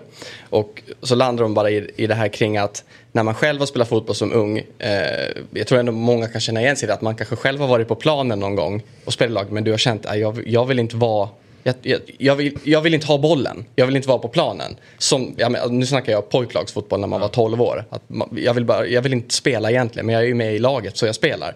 Det är lite så det känns. I United ja. Ja, just nu. Ingen vill ha bollen. Nej. Ingen, alla och det, det, det, kan man ju förstå också. För att det går så dåligt och de vill inte bli syndabockar. Och Marcus Rashford kanske inte vill ha en till, ett till öppet mål och missa liksom. Få ännu mer hat. Så att, ja. Känns som att det finns ett par spelare som AIK, i AIK som inte heller vill ha bollen. Men United kanske man måste, kan dra lite samma kanske där, måste absolut. svälja stoltheten lite och bara inse vart man har hamnat. Liksom, man kan inte leva i det förflutna hela tiden. Men, eh, och, och jag tycker också det, liksom så här, Ten Hag, alltså, det, vad han egentligen, vad har han för meriter egentligen? Alltså, han har ju ingenting. Men nu har man ju tagit in honom, man måste ju liksom ge, i så fall ge han chansen. Eh, för att eh, han vänder ju inte på det Men här. om han nu då... Alltså, han kommer inte få sparken nu. Nej, det tror inte jag heller. Men inte. jag menar, om det verkligen har gått så långt som alla rapporter säger att han också, att han har verkligen, ja men spelarna redan är missnöjda. Om han har börjat tappa omklädningsrummet, likt då som ni var inne på med, till exempel i AIKs fall med Bartosz. Går det att vända på det? Nu har det gått två omgångar. Men jag menar, är det redan liksom Nej, det är point of no return? Att svagt att tappa ett omklädningsrum efter tre veckor. Eh, jag vet inte, då då är det, ju inte- då, då Men de här spelarna är ju också, de är ju bortskämda. De är ju vana att kunna vända sig mot tränarna för det har ju funkat tidigare. Ja, vi ska, vi ska inte fastna i, i, den där, i den där soppan längre tycker jag. Har ni, har ni kollat någonting på den här eh, All or Nothing Arsenal-säsongen? Ja, jag har sett upp fyra avsnitt tror jag. Ja, De sista två släpptes ju igår. Och det, jag, jag har inte hunnit se dem, jag har sett de andra. Och det är fortfarande inte, eller så här, utan att det är så mycket, en så stor spoiler alert, men på sociala medier, jag menar många brittiska tidningar och tabloider, de, jag antar att de får väl se de här innan, för de skriver väl reviews och det ena och det andra och sådär. Så det var The Times som häromdagen, eh, eller om det var igår då, innan det skulle släppas som gick ut, eh, och eh, för det här framkommer i ett av de här sista programmen då det gäller Arsenals vänsterback, skott, skotska vänsterback eh, Tierney. Han har ju haft mycket skadebekymmer och sådär.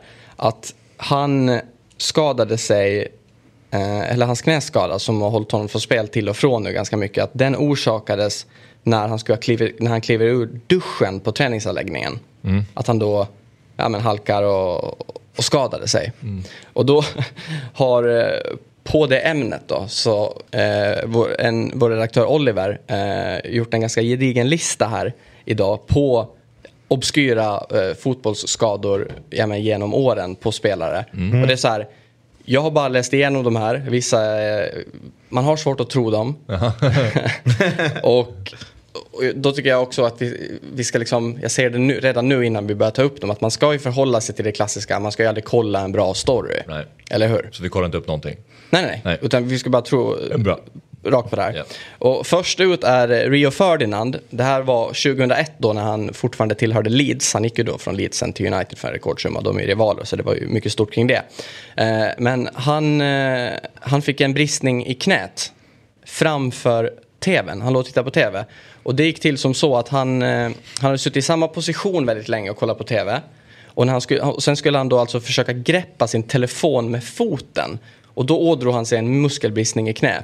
Någonting som höll honom borta från spel i flertalet veckor. ja, den är sjuk. Den, den är, det, det, men det enda som jag tänker då är bara att det låter som att hur, hur, är man dåligt tränad eller hur mår kroppen när man inte ens kan göra en sån basic eller måste man liksom varje gång man ska Men man vet väl själv om man ligger och tar det lugnt.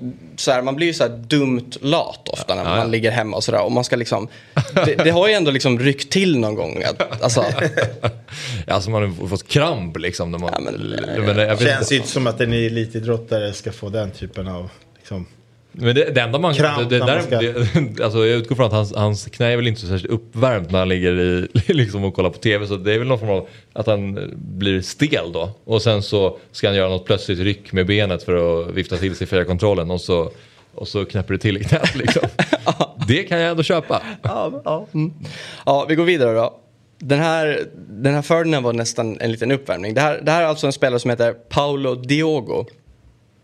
2004 spelade den då 29-årige servettmittfältaren Paolo Diogo en match mot FC Sch- Schaffhausen. Jag tror det här är i Schweiz. Jag är inte riktigt Vilket säker. var det första laget du sa? Eh, servett. Ja det är väl Schweiz. Ja. Ja. I matchen spelade Diogo fram en passning till lagkamraten Sean Bossechor som gjorde mål. Diogo blev så glad att han klättrade upp på det, ga- på det gallerstaket som skilde läktaren från planen. Eh, och när den 29-åringen då skulle hoppa ner så fastnade hans vigselring i staketet Ja, och hans där. finger slets av. Det där eh, är det, det jag minns det där. Ja, du gör det? Ja absolut. Ja. Det, det är det vidrigaste. Det är, de, de bilderna är inte roliga. Det finns rörligt på. material på det här. Ja absolut. Eh, jag, vet Nej, inte, om- jag, vet, jag vet inte om man kan se det idag men då såg jag det i alla fall.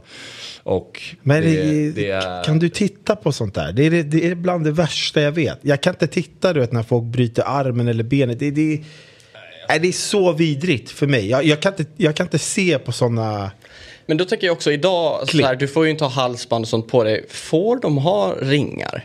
Vigselringar som spelarna idag? Allt Nej. sånt här måste väl plockas bort? Det tror jag inte att... Får, Det är nej. en bra fråga om man får ha det då. Jag har inte reflekterat Det beror på hur svartsjuk fru du har.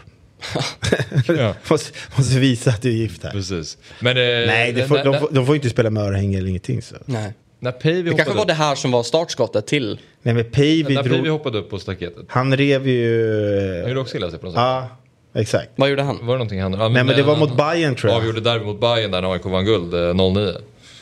Då så gjorde han illa eh, fingret. På något sätt va? Men Päivi hade ju spelat utan finger. Det är skillnaden, Ja, ja, skillnaden på han och Men jag det. har så svårt att se bara så här, du fastnar fast med att en ring som sitter så hårt ändå liksom den, alltså, jag menar, Men en vigselring, alltså, den är ju liksom liksom custom made. vara- Den är ju custom fittad för, för ditt finger. Custom Det, det, det är en sån sjuk eh, liksom, timing eller vad man ska säga. Att den ska precis då kila ner sig mellan så Ja. den fastnar och att man då på vägen ner bara, den hänger kvar. Ja. Det, det det låter så lite som man här slets av. Som det bara Sjuk... Eh, stycke som bara försvinner från kroppen. ja, usch. Ja. Ja, vi move on. Vi går vidare. Ever Banega kanske ni kommer ihåg. Oh, ja. Han körde ju över sig själv 2012. Han, han spelade då i Valencia och han var på en bensinstation och skulle tanka bilen. Och eh, han hade glömt att dra i handbromsen. Så bilen började då alltså rulla bakåt och klämde hans ankel mot en trottoarkant. Och det landade i liksom, det blev operation och månader utanför fotbollen. ja, det där är faktiskt det, det dummaste man har hört. Ja. Eh, vänta, Eller alltså, säg en gång till. Klart man kan. Alltså, du, Tankade bilen, glömde handbromsen, den började Ja, men rulla. handbrom- det- och, och så liksom det, som det är vid en bensinmack, du vet, alltså där pumparna är, så är det ju ändå upp som en, det måste ju kanske vara trottoarkant, det kan ju inte rulla Ja, ja, så ja. långt. Och då kanske han stod där då och liksom så kom bilen och så, ja, alltså, jag glömt dra handbromsen är ju inte själva grejen här tycker jag. För det, det är säkert ett par människor som har gjort. Men att han lyckas. att, att lyckas bli påkörd av sin egen bil. lyckas bli påkörd av sin egen bil och borta. Varför inte Banega på träningen? Nej, fan, körde på sig själv. Eh, Det är faktiskt, Hur fan då? Du vet? Ja, det är faktiskt helt osannolikt. Nej, där, eh, det, den minns jag dock inte. eh, Den skadan på Banega, men eh, ja, den stökig. ja. Vi går vidare då. Eh, 1995, det här, det här är alltså en eh, spelare som heter, eller hette, han heter, hoppas jag, jag tror han fortfarande är i liv, Ivano Bonetti. Eh, 1995 flyttade den italienska mittfältaren Ivano Bonetti till England och Grimsby Town. Och han fick ett speciellt välkomnande av sin nya tränare Brian Laws. Jag kan bara tänka mig 95, du vet de brittiska tränarna. Grimsby Town, jag tror de spelade i typ, ja men det måste ju vara i League 1 eller League 2 eller någonting. I alla fall. Efter en 3-2 förlust mot Luton Town blev Laws så arg så han greppade tag i en tallrik med kycklingvingar och kastade mot sina spelare i omklädningsrummet. Efter matchen då alltså. Bonetti träffades så illa så han bröt sitt kindben. What? Vadå, men det måste varit av tallriken då eller? Det kan inte varit kyck- man kan inte byta över- Kindben. av, av att det kommer en kyckling. Nej, nu är vi här att vi ska kolla en bra story. Tur vi behöver han- ändå diskutera det här. Det är tur att han inte blev en fighter om, om han har en sån svag eh, käke tänker jag. Ja. Att, att man bryter käken av en liten kycklingving. Men det här, det, det, det beror ju på det här som sagt om det sulas iväg både tallrik in, inklusive kyckling. Eller om kycklingen, alltså den, den var inte tillagad utan var fryst och den skulle tillagas. Ja, då, då kan man ju förstå. Ja, då är det ju stenhård. Men vi får utgå från att den är tillagad, kycklingen här. Det, det låter ändå så i storyn. det hade varit riktigt sjukt. Men, eh, Om han alltså- hade gått in i köket där Men det på träningsanläggningen och tänk hämtat det. bara- benet liksom. Hur kompenserar trä, tr- tränaren efter, alltså är det så här, du får lira varje match i resten av säsongen när du kommer tillbaka? Eller? Jag tror bara det, det var så där det gick till på 90-talet. Han, har inte satt, låga- han har inte satt sin fot i England igen. Han hatar England. Nej, jag tror inte heller. Man kanske behöver följa upp vad som hände med hans karriär efter det. Så Vi, kolla. vi ringer han nästa fredag. Ivano. Eh, Do you eat chicken now or? Eh, han, om han lever, kolla om han lever. ja. Ja men han lever absolut. Han är 58 år idag. Och vi ska säga, han var alltså, han var, det blev bara en säsong i Grimsby Town. No gick han, shit. Sen gick han vidare till Tranmere Rovers, Crystal Palace, Genoa och Dundee. Sen avslutade han sin karriär i. Så, ja. Stökigt att få en kycklingklubb av tränaren i facet och bryta käk. Nej, nej. Nej, det- Nej, fan vad sjukt alltså. för där kan inte bli sur heller för då får man inte spela. Ja, precis. Åh nej, vad synd. Är det lugnt? ja, absolut. Jag ska, bara, jag ska bara snacka lite med sjukpersonalen. ja, här har vi en personlig favorit till mig då, Jari Littmanen. Han, eh, vi ska säga här. Jari Littmanen har inte bara goda minnen från sin tid i Malmö. Spelaren skadade nämligen sig vid ett tillfälle, så, ö, tillfälle ögat så allvarligt att det höll honom utanför spel en stund. En stund är det här bara, så det kanske inte var så länge. Orsaken bakom skadan var en Coca-Cola-kapsyl som träffade Littmanens öga efter att MFFs klubbchef Hasse Borg öppnat flaskan med en snusdosa. Ni vet, Det här är ändå en story vi kan kolla upp. Ja, ja, men det här tror jag. Det här, det här Vi låter, känner ju det någon som låter, känner någon som känner Hasse. Det här låter ju alla. extremt svenskt. Det här med, du vet, du har, du har glasflaskan. Är det någon som har en snusdosa? Och så är det liksom, det finns ju de som verkligen, ni vet det här ljudet när man bara, och den kan ju flyga liksom 10 meter. Och då satt väl Jari då där bredvid och så liksom rakt upp i ögat. får du bilden framför dig. Ja, det där, är ju, det, där, det där känns som att det måste hända ganska ofta nästan. Alltså, precis som du säger, det, det, om man inte kan hantera dosöppningen med lite värdighet, då kan det ju sticka rätt rejält. Jag har inte i mig, eftersom jag snusar inte, men Nej. jag, någon gång har jag lärt mig typ man gör så jag kan lösa det. Men jag ska, Jari skulle inte vilja sitta bredvid i alla fall. Nej, Jag kan, inte, jag kan få upp den, men jag liksom kämpar. Det blir alltid liksom, snusdosan blir, det blir, den blir skadad, det blir hack i den. Jag, jag, får Ah, inte, jag okej. har inte det där tekniken för det där floppet. Nej, man kan ju öppna med snusdosan med den, alltså att det ska bli den farten, den speeden och göra uh, Jari nästan halvblind. Det vet inte fan om jag har i mig. Hur länge var Jari borta? Stod fram Ja, en stund står det. Han var borta 10-15 minuter. Väldigt oklart. Det kan vara så här fyra minuter. Right? Men det var ändå en story. Ah, nu är jag skadad. Okej, jag är tillbaka. Vi kör. Nästa man, är kanske en, den här kanske ni känner till. För det är Kalle Corneliusson. Ja, det är en klassiker. Mm, vill, vill du ta den? Alltså jag kommer inte ihåg den detaljerat så du får rätta mig. Men visst fan var det väl att han skulle skära gurka eller någonting och eh, skar sig. Exakt. Och eh, var tvungen att vara borta då på grund av det eller? Exakt. Det här var sen- 2001. Han tvingades till och med till operation. Ja. Och sen så spelade han med någon form av bandage. Det kommer jag ihåg på, på Rosunda att, man, att han sprang omkring med linda har jag för mig. Eh, runt. Men varför då, hur illa var det? Eller framgår det i det som du har framför dig? Ja, han skar av två senor vid fingret. Senor också så här, det är, man får ju kalla kårar och prata om, om senor. Ja, jag. Eh, men ehm, ja, nej det, det känns ändå som att när det kommer till Det- fingrarna så borde ja, man bara kunna, man borde tänka att man borde kunna spela vidare då. Men, om det låter ju ganska allvarligt det där, om man ska Men det där är ju ändå, det är ju ändå så här, jag kan ändå köpa att sånt här händer. För de flesta lagar ju ändå mat. Och man vet ju själv att man har varit där och hackat. Så att man liksom har varit... Ja det är ju, precis. Det, det är ju en rolig fotbollsskada men det är också en, alltså han har Men- ju inte kört på sig själv. Alltså Nej. man, skär, man, Nej, exakt. man skär sig när man håller på att hacka grönsaker. Ja det har väl de flesta gjort. Men dagens fotbollsspelare Nej, de lagar inte mat. har ju inte en aura av att laga mat. Nej. Antingen spelar du i en sån pass bra klubb så att du har en egen kock liksom som kommer Men allsvenskan 2001 så lagade de mat. Da, då, lagade de, då lagade de mat. Annars, är- annars är ju allsvenska spelare, de, eh, de äter ju ute. Hela tiden. Tänker jag. Och de som, ja i alla fall allsvenskan och de som har, eh, alltså de riktiga internationella stjärnorna har ju egna kockar. Ja, de egna. de, har ju, de, de fixar ju ingenting själva. Ja, jag vet, jag kommer ihåg någon story med så här, Alexander Isak. De, du var ju kock, de kommer ju, kom ju hem till dem och lagar Mm. mat och liksom står där. Och, Det där är också som att så här, när eh, folk reagerar, både skådespelare och eh, idrottsstjärnor, att de är så, så här, vältränade. Ja men dels är det deras eh, jobb att eh, träna. Och sen har de också personer som bara lagar all mat åt dem, som ser till att de får i sig exakt den näring Ja. de behöver. Alltså det är inte, det är inte svårt. nej. Det är inte svårt. Alltså, Men sen, alltså, är, det- sen är det svårt att vara bra på fotboll. Alltså, de är fortfarande duktiga som har tagit det- sig dit de är. Men det är fan liksom inte svårt att hålla sig trim. Det, det är skillnad att kanske spela i Sundsvall eller någonting och så kommer man in och det samma mat till alla. Du vet i den här bunken, de får köra lite bufféaktigt. Men eh, proffslivet, då är, den, då är den helt anpassad efter dig, vad du behöver, hur mycket du väger, hur lång du är. Det går inte att misslyckas Nej, nej, om du inte fuskar extremt på nätterna när Nej. någon har gått hem.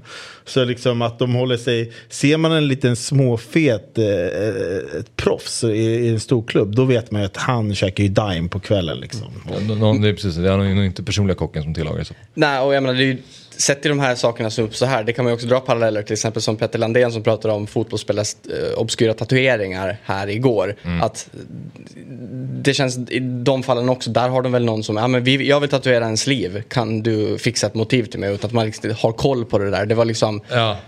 Ja men Smith Rowe som hade någon klocka där det var liksom i romerska siffror liksom 10, 11, 12 och så var det 13 var ett nummer på den klockan. Och det enkla Petter de hade gått till grund med det där och orsaken var att om man söker på, jag tror det är på Google, om du bara googlar broken clock, då kommer den där klockan exakt med det motivet upp och den 13 timmen. Alltså så här, det är ju bara en googling så de tagit det som motiv. Det finns, liksom, det finns inte så mycket mer där än bara fotbollen Okej. många.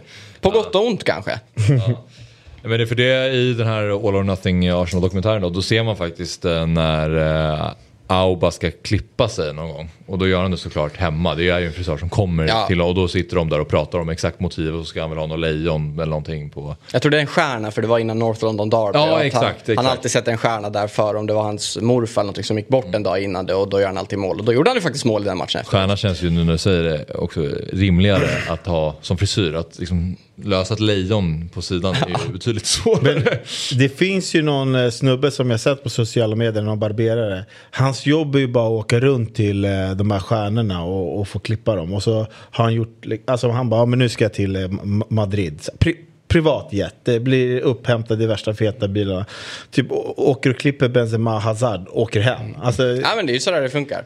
jävla drömjobb. alltså, Det är väl va? samma sak här i Sverige. Har inte, är det inte din någon släkting som också klipper landslagsstjärnorna och sådär? Ja, ja. det har jag ju. Ja. Exakt. Så Han har ju varit i, han får ju åka till, eh, alltså när landslaget kommer så eh, Är det där du klipper också?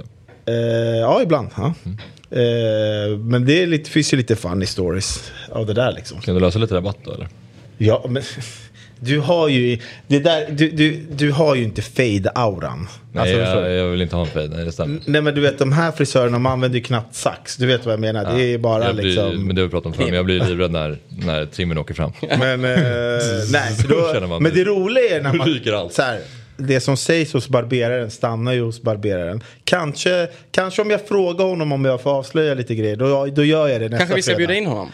Kanske, ja det kanske vi kan kanske. Kanske kan på ringa upp honom och säga, dra lite stories. Ja, men alltså, alla, han sa i alla fall att det, det var en jävla respekt liksom för Janne. Du vet så här att du vet, flytta på stolar från en våning till en annan och sådär. Då var man tvungen att fråga Janne först. Och typ, ja, ja, det Alltså att landslagsspelarna har Ja, respekt när han har varit där och liksom Ja, okej. klippt dem. För då får de ju åka till Friends eller till hotellet de är på. Och så får de, han får ju klippa dem där. Och så Mm. var det jävla grejer när det var corona och den biten. Men vi kanske kan eh, ringa han eh, nästa vecka och få någon eh, funny, rolig Mm. story från det där. Absolut. Vi har två skador kvar på den här Ja. listan. Jag ska bara säga det också. om, om det är alerta tittare som kollar det här och kanske sitter och googlar på de här redan nu. Tagga in oss på Twitter, vi heter ju Fotbollsmorgon där och på Instagram heter vi också Fotbollsmorgon. Tagga oss där så kan vi ju dela, dela dem lite så man kanske kan se. Ja, tagga Ja, inte och- mig i den här äh, bryta eller bli ja, av med Lite fingret censur grejen. kanske vi behöver. Ja. Och, och fler häpnadsväckande skador kanske. Exakt, det finns ju många- som- många fler. Hette han spanska målvakten då som tappar parfymen i... Ja, eh, Canizares. Ja, Canizares. Ja, var det är en klassiker också. Ja, den är inte med här. Nej. Nej, det är ju en, en av de mest klassiska också. Det är innan EM är- eller VM? Är det. VM till och med? Vilka år snackar vi? 2002 tror jag. Alltså innan VM 2002 tror jag. Jag är absolut inte säker. Så han var bakom Casillas då? Alltså han var inte första Ja, precis. Ja, men- så var var det nog. Eller om han var första keeper han då. var Då nog kanske det var innan. Men han Casillas tappade ju en parfym Tappade rakvattnet typ. ja, Ja. på foten va? Jag tror det. Ja. Och skadade foten. Och sen vet jag inte om han, om han liksom inte ens var med i truppen överhuvudtaget då. Nej, jag tror inte det. Nej. Ja. Men dra, dem, eh, dra nästa då. N- Nästa tror jag ni känner igen. Det är eh, Marco Asensio, Real Madrid eh, mittfältaren. Kommer ni ihåg vad han gjorde? Nej. Det var 2017. Han missade ju en Champions League-match mot Apoel. Apropå Apoel då, som spelar eh, som Djurgården. Gjorde Apoel mål? Nej, men eh, han missade ju matchen efter att han skulle, då ha, han skulle raka sitt ben inför matchen. Och, och, ja, men det blev väl ett sår som det kan bli när man rakar, men det blev, inf- det blev så pass infekterat. Eh, ja, det hade infekterat en por på, Real Mad- Mad- eh, på hans ben då. Vilket orsakade ett sår, så han var out. I en Champions League-match. Ja, en match. Ja, eller vet- ja, men den matchen i alla fall. Ja. Men det här... Och eh, 2017, det var ju också då, han har väl ändå inte kanske, hans karriär kanske inte har blivit den som man trodde den skulle bli. Nej. Men det var ju, jag tror det var 2017 då när han kom upp och var, han var extremt bra. Mm, absolut. Ja, när han väl kom fram så tänkte man ju att det här är nästa stora stjärna. Men hela den här äh, grejen med att man rakar benen som äh, fotbollsspelare. Är, är, är det enbart för att du vet när man behöver tejpa foten och, och, och, och sådär att det blir det gör jävligt ont att dra den där jävla tejpen. Vad, vad är anledningen till att de, äh, de rakar benen? För jag känner, jag, kan, jag ska inte nämna namn. Men jag känner ju fotbollsspelare som efter karriären fortfarande rakar benen. Ja, det är väl nice i och för sig om de tycker att det är soft. Jo men alltså många fotbollsspelare gör det så vad är liksom... Men jag tror att det kan ha att göra med tejpen absolut. Om de, eller, För det är ju kan ju vidrigt. vara fåfänga också att de tycker att det är liksom eh, snyggt att de vill göra det av den Men anledningen. det kan ju inte vara anledningen. Eller? Det är väl inte helt omöjligt. Alltså så att, ja men jag rakar benen för det är Men tror du inte det, det klassiska också, du vet alla har ju sina eh, ritualer man behöver göra. Benskyddet ska på där och där innan, att det bara sitter kvar. Ja, men precis. Men Rutin. tänkte Det, det, är ju- det är ju många som, Vi är ju vanemänniskor. det är ju många som tejpar. Jo, Många ja. tejpar ju på benen. Jo. Ja men det Alltså, gör man. Alltså, många tejpar om du på benen tejpar en liten stukning inte eller, utanpå eller sådär. Då tejpar du ju rakt Nej men jag menar Då alltså, ben, benskyddstejpen, vissa tejpar ju på direkt på huden. Och inte på strumporna. Ja. Eh, för Men- att det blir snyggare då att det inte syns, alltså inte tejpen syns. Men- och då vill du ju gärna inte, för när du ska dra av den där tejpen, det har man gjort några gånger, det är inte, det är inte skönt. Jo, men ett litet varv runt, alltså benskyddstejp, det kan ju vara eltejp. Liksom. Alltså, du behöver, Jo, jo, men du behöver inte dra. så smärtar det när du Det smärtar inte, den klipper man ju bara av och dra. Ja, men jag försöker bara hitta anledningar Nej, till... det, är- det är någon, vi ska hämta hit någon fotbollsspelare som rakar benen. Ska vi, Men det kan väl också vara så att de bara tycker att det är snyggt. ja, då, då får man ju tycka det. Ja. Ja, sist ut då. Nu ska vi tillbaks ända till 70-talet, 1975. Och det här var alltså en Man United målvakt eh, som heter, eller hette Alex Stepney.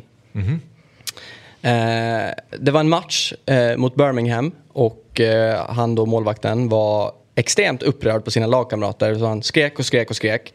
Och han skrek så mycket så han lyckades skrika sin egen käke ur led. What? End of story. Vad Det är det jag har här. händer? Vänta nu, vadå? Han eh, ska så ha varit så förbannad. De bara gorma och gorma och gorma och den går Han, ur han led. skrek sin käke ur led. Då har man en riktigt skakig käke. Förstår Det kan ju vara så också här, du vet England, 70-tal. Han hade säkert kanske varit på, på lite bargruff och så. Den kanske hade hoppat han var ju innan. packad också. Det finns ju de som har, alltså, som har väldigt mycket problem med till exempel sina axlar. Att man lätt kan få axlar. Vi har en kompis med mig så här, när man spelar korp och sådär. Han har bara stått i mål och så kastar han ut bollen och så hoppar den ur. Och så står han där liksom och försöker få tillbaka den. Så jag vet inte, han kanske hade några sådana problem. För- Förstå hans lagkamrater, de bara yes, nu kan jag väl hålla käften. Men ja, alltså, men jag tror lite på din teori. Det måste ju vara någonting sånt att, att den, den måste kunna hoppa lite då och då. Och att då, då just den perioden så var det för att fan, vad jobbigt att ha en käke som hoppar nu kanske, led. nu kanske den sticker men det är ändå värt det för vi måste skälla ut dem. Ja. Eh, Kan vara. alltså en axel och sådär, och knät vet man. Men alltså jobbigt att ha en käke som Hur gör man när käken hoppar ur led? Måste man operera då eller kan man liksom få tillbaks den? Jävla fråga. Ingen aning. Jag, alltså, jag, jag, nej, jag har ingen aning. Jag vet inte, fan jag försöker tän- tänka nu här, hur fan det skulle kännas så. Om en axel kan hoppa tillbaka så borde väl för fan en käke kunna hoppa tillbaka. Ja, jo, men den känns mer komplex. Ja, käken? Ja. Ja, kanske. För det, Ja. axeln är väl en så här klassisk, nu är vi på djupt vatten. Men det är väl en, Ja, ja, vad heter det? Är det inte, så, han är en så här cool led? Alltså Det här fattar är du? Eller vad mer än vad det? jag vet. Men, Men var han om du borta några det matcher? Nej, det framgår Det inte. framgår inte, nej. För eh, han kanske bara skrek och tryckte tillbaks den. Ja, precis. Bara fortsätt skrika. Ja, precis. Kanske, kanske. Ja. det var i alla fall... eh, Alla skadorna. Ja, det var de vi hade. Det, det, fyll på och pumpa på sociala medier. Det måste finnas hur många som helst. Jag menar, det finns ju klassiska Albin Ekdals uh, nattklubbs när han föll på det där bordet och sådär. Den kanske skulle kunna kvala, kvalificera sig in på listan, vad vet jag.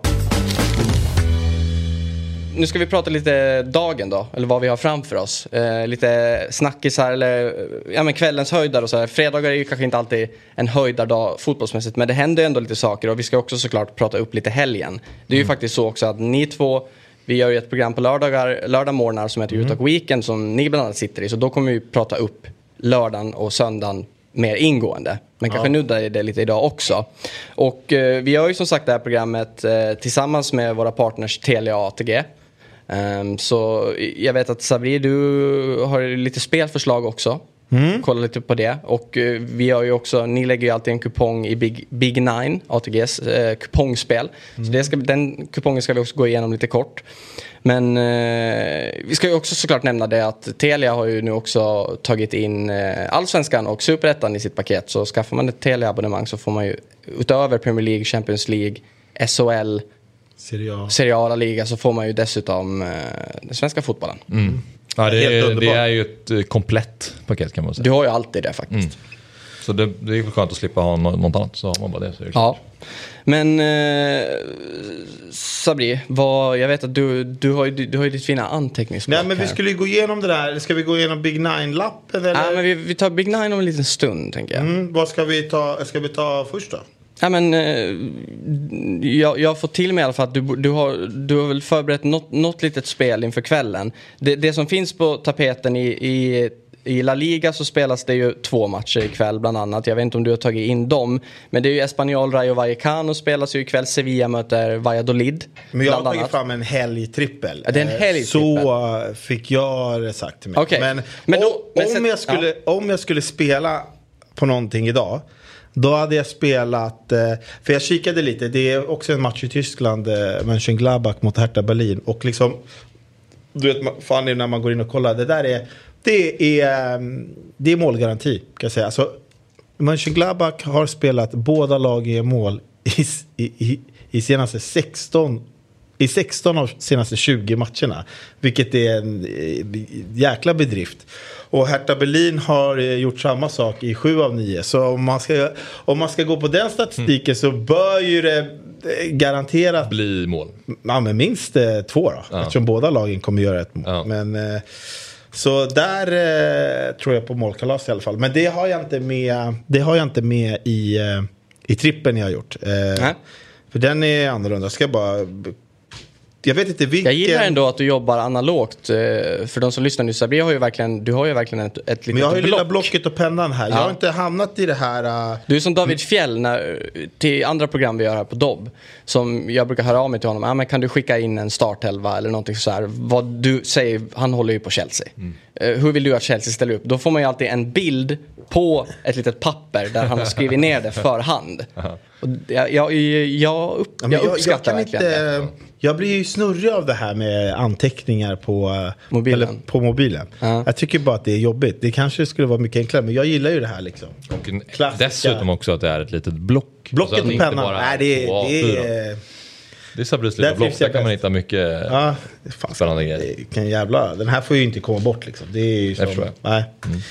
nej, men eh, trippen eh, vi har då är ju eh, att eh, det ska bli över 2,5 mål eh, mellan eh, Bournemouth och eh, Arsenal. Eh, alltså Bournemouths eh, försvar ser ju inte bra ut. Arsenals anfall ser ju Gabriel Jesus jäkligt bra ser ruskig ut faktiskt.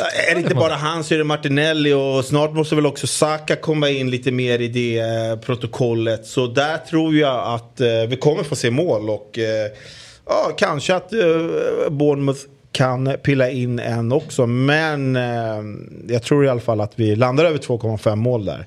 Och i den trippen så är det också Eh, jag har gjort en sån här, alltså när jag kikade så tänkte jag att det blir kul att ta från tre olika ligor. Eh, så det där var från England. Från Italien hittade jag Torino-Lazio. Eh, det har också tagit över 2,5 mål. Kanske är det, bara den gav runt 1,80-1,90. Vilket jag tycker är ganska högt. Kanske är det spelbolagen som har lurat mig där. Men eh, alltså Torino blivit av med Belotti och Bremer där bak. Så försvaret är ju verkligen försvagat. Sen liksom anfallet, där har de liksom fyllt på med lite unga spelare, lovande spelare. Medan Lazio, Sarri, laget är intakt. Immobile, alltid, eh, han är alltid på hugget. Och de gjorde, ju tre de gjorde i två premiären mål. trots man åkte på en tidig utvisning i helgen. Ja, precis. Sen fick ju... Eh, alltså, de fick... Det blev ju liksom... Eh, de fick ju också en utvisning, ja, sådana. Men, eh, Men ändå, han, han, han, alltså Chiro Immobile är ju i Lazio, inte i någon annan klubb tror jag i hela världen, men där är det ju målgaranti. ja. Ja. och det tror jag faktiskt att det blir här också. Eh, jag tror till och med att Torino kan pilla in en boll, men jag tror garanterat att eh, Lazio gör upp mot 2-3. Så det är också över 2,5 mål i den. Och sen sista på den, eh, på den trippen då. Då har vi alltså Ars- Bournemouth-Arsenal över 2,5. Torino-Lazio över 2,5 och då har vi det sista som vi hittar i Tyskland. Eh, Dortmund mot eh, Werder Bremen. Och eh, där har vi båda lagen gör mål. Och över 2,5 mål i matchen. Eh, vilket eh, Werder Bremen har gjort i, sina sju senaste matcher. Så där går vi lite på statistiken. Och att liksom, ja men Dortmund eh, vet man ju alltid farliga. Men kanske inte det där stabila försvaret. Så det är helgens trippel. Mm, kul. Det är, ju, det är ju oftast kul när man vill jobba mål. Det är ju roligare att se på en match då, än när man bara ska sitta och spänna sig. Ja, Ja. typ 0-0 är inte kul. Nej. Det är Men- som i typ fantasy om du har en back, i, eh, Ja. i ett, en budgetback i ett sämre lag. Det är piss. Det, är- det är Jobba ju nolla. hädiskt. Men kan du bara sammanfatta den så jag är med på eh, vilka tre det var? Eh, Bournemouth-Arsenal, Mm. över 2,5 mål. Torino-Lazio, över 2,5 mål. Eh, Dortmund-Werder Bremen, båda lagen gör mål och över 2,5 mål. Mm. Okej. Mm. Och det här, din trippel den kommer komma ut i eh, samlad form också på Twitter och sådär. Om det är någon som känner att den eh, vill rygga den. Precis, det kommer komma en trippel som är lite mer skruvad och lite högre odds. Men eh, den behöver vi inte gå igenom här. Men man kan hålla utkik på Twitter så kommer den ut där. Apropå Dortmund också, det senaste kring hela Ronaldo-soppan är ju nu att, han, att Jorge Mendes erbjuder honom till Dortmund. Och, ja, Okej. jag menar, det har varit Sporting i dagarna, det har varit Atletico de Madrid, det har varit Barcelona, det har, det har ju varit alla klubbar. Och Dortmund vill verkligen inte heller vilja ha honom. Och jag tycker bara, är det inte helt sjukt att kanske, jag menar en av de största i fotbollen genom alla tider, det kommer man, måste man ändå klassa Ronaldo som. Att ingen klubb ändå vill ha honom. Alltså det är ju faktiskt... Kom till Gnaget då. Nej men jag menar bara, alltså så här, det är ju ändå, det är ju häpnadsväckande. Ja, men alltså kanske, Det måste, ja. Det ligger väl någonstans i, alltså han kostar ju väldigt mycket pengar. Det är inte så att han kommer komma och liksom inte kosta någonting. Men, Men fortfarande. men sen Jag är det också fan, att... eh, Han har ju typ alla målrekord som problemen då? finns. Han kommer ju allt. med problem. Exakt, jag vet. Det är ju det. Ja, ja. Han är inte en dålig fotbollsspelare. Eh, absolut inte. Han kan säkert höja vilket lag som helst. Men de vet ju att om Ronaldo blir lite missnöjd. Då kommer, ju, då kommer han ju bli ett virus. För det är liksom så här, fortfarande unga spelare och en massa andra spelare, de, de ser ju upp till Ronaldo. Och om han kommer till ett lag så kanske man, hade man fått köpa en förebild. Liksom att han kommer dit, han kommer vara en förebild, han kommer bete sig bra. Då är han värd pengarna. Men kommer han Men, eh, med en liksom stor risk till liksom att det kan bli huvudvärk och virus utav det. Tar man den risken och betalar de pengarna? Nej, Men, men det, det är kanske är en väckarklocka för honom själv också. eh, Såklart. Att, att han bara, men vad är det som pågår? Det är liksom, jag kan inte ta mig någonstans. Jag kan inte ta mig från United för det finns ingen klubb som vill ha mig. Och då kanske det blir så att nästa klubb han kom, faktiskt kommer till så kommer han vara lite mer ödmjuk inför uppgiften och förstå att jag kanske inte kan vara besviken så fort jag inte får passningen där jag vill ha den och så vidare. Men eh, så måste man väl addera att om, säg att han, om Dortmund hade plockat honom Alltså, det är, det, jag tror inte heller att, jag tror att det är rimligt att de inte har honom. Men eh, alltså, hela världen skulle börja följa Dortmunds matcher. Alltså, som att ingen kollar Bundesliga, men då folk skulle börja kolla Bundesliga och i synnerhet Dortmund. Bara för att man vill följa hur det går för Cristiano Ronaldo Alltså, i Dortmund. Så att det finns ju ändå värde Så i är det ju. Alltså liksom han, vart han än kommer så får han ju deras eh, sociala medier att liksom komma nästan liksom i topp i världen liksom, av eh, följare och så vidare. Så det, det är ju på gott och ont. Men känns inte så likt Dortmund att Nej, det är det inte. eh, liksom köpa en, en sån typ av spelare. Det skulle verkligen gå emot eh, hela deras, alltså hela deras princip på något sätt. Eftersom de fo- fostrar unga spelare. Så, ja, Dortmund har jag svårt att se han, men eh, å andra sidan skulle det vara dunder för Bundesliga. Liksom. Rent, eh, ur den synvinkeln som Axel är inne på. Så är det. Apropå en annan Ronaldo då. Den riktiga Ronaldo som många klassar honom som. Ronaldo Damus i...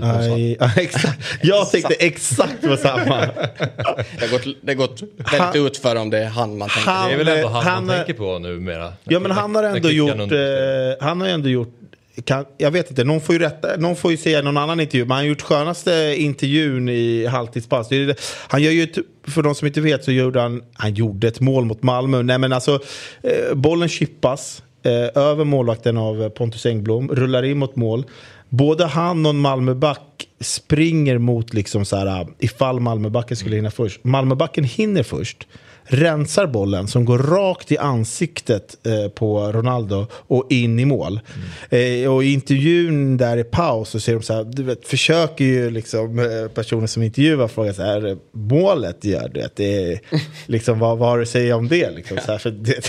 Han får ju ändå ett skott i ansiktet, han får ju en rensning i an, alltså rakt i ansiktet, inte på låret eller någonting. Han svarar bara, it's my, it's my job to score. Helt missförstådd fråga.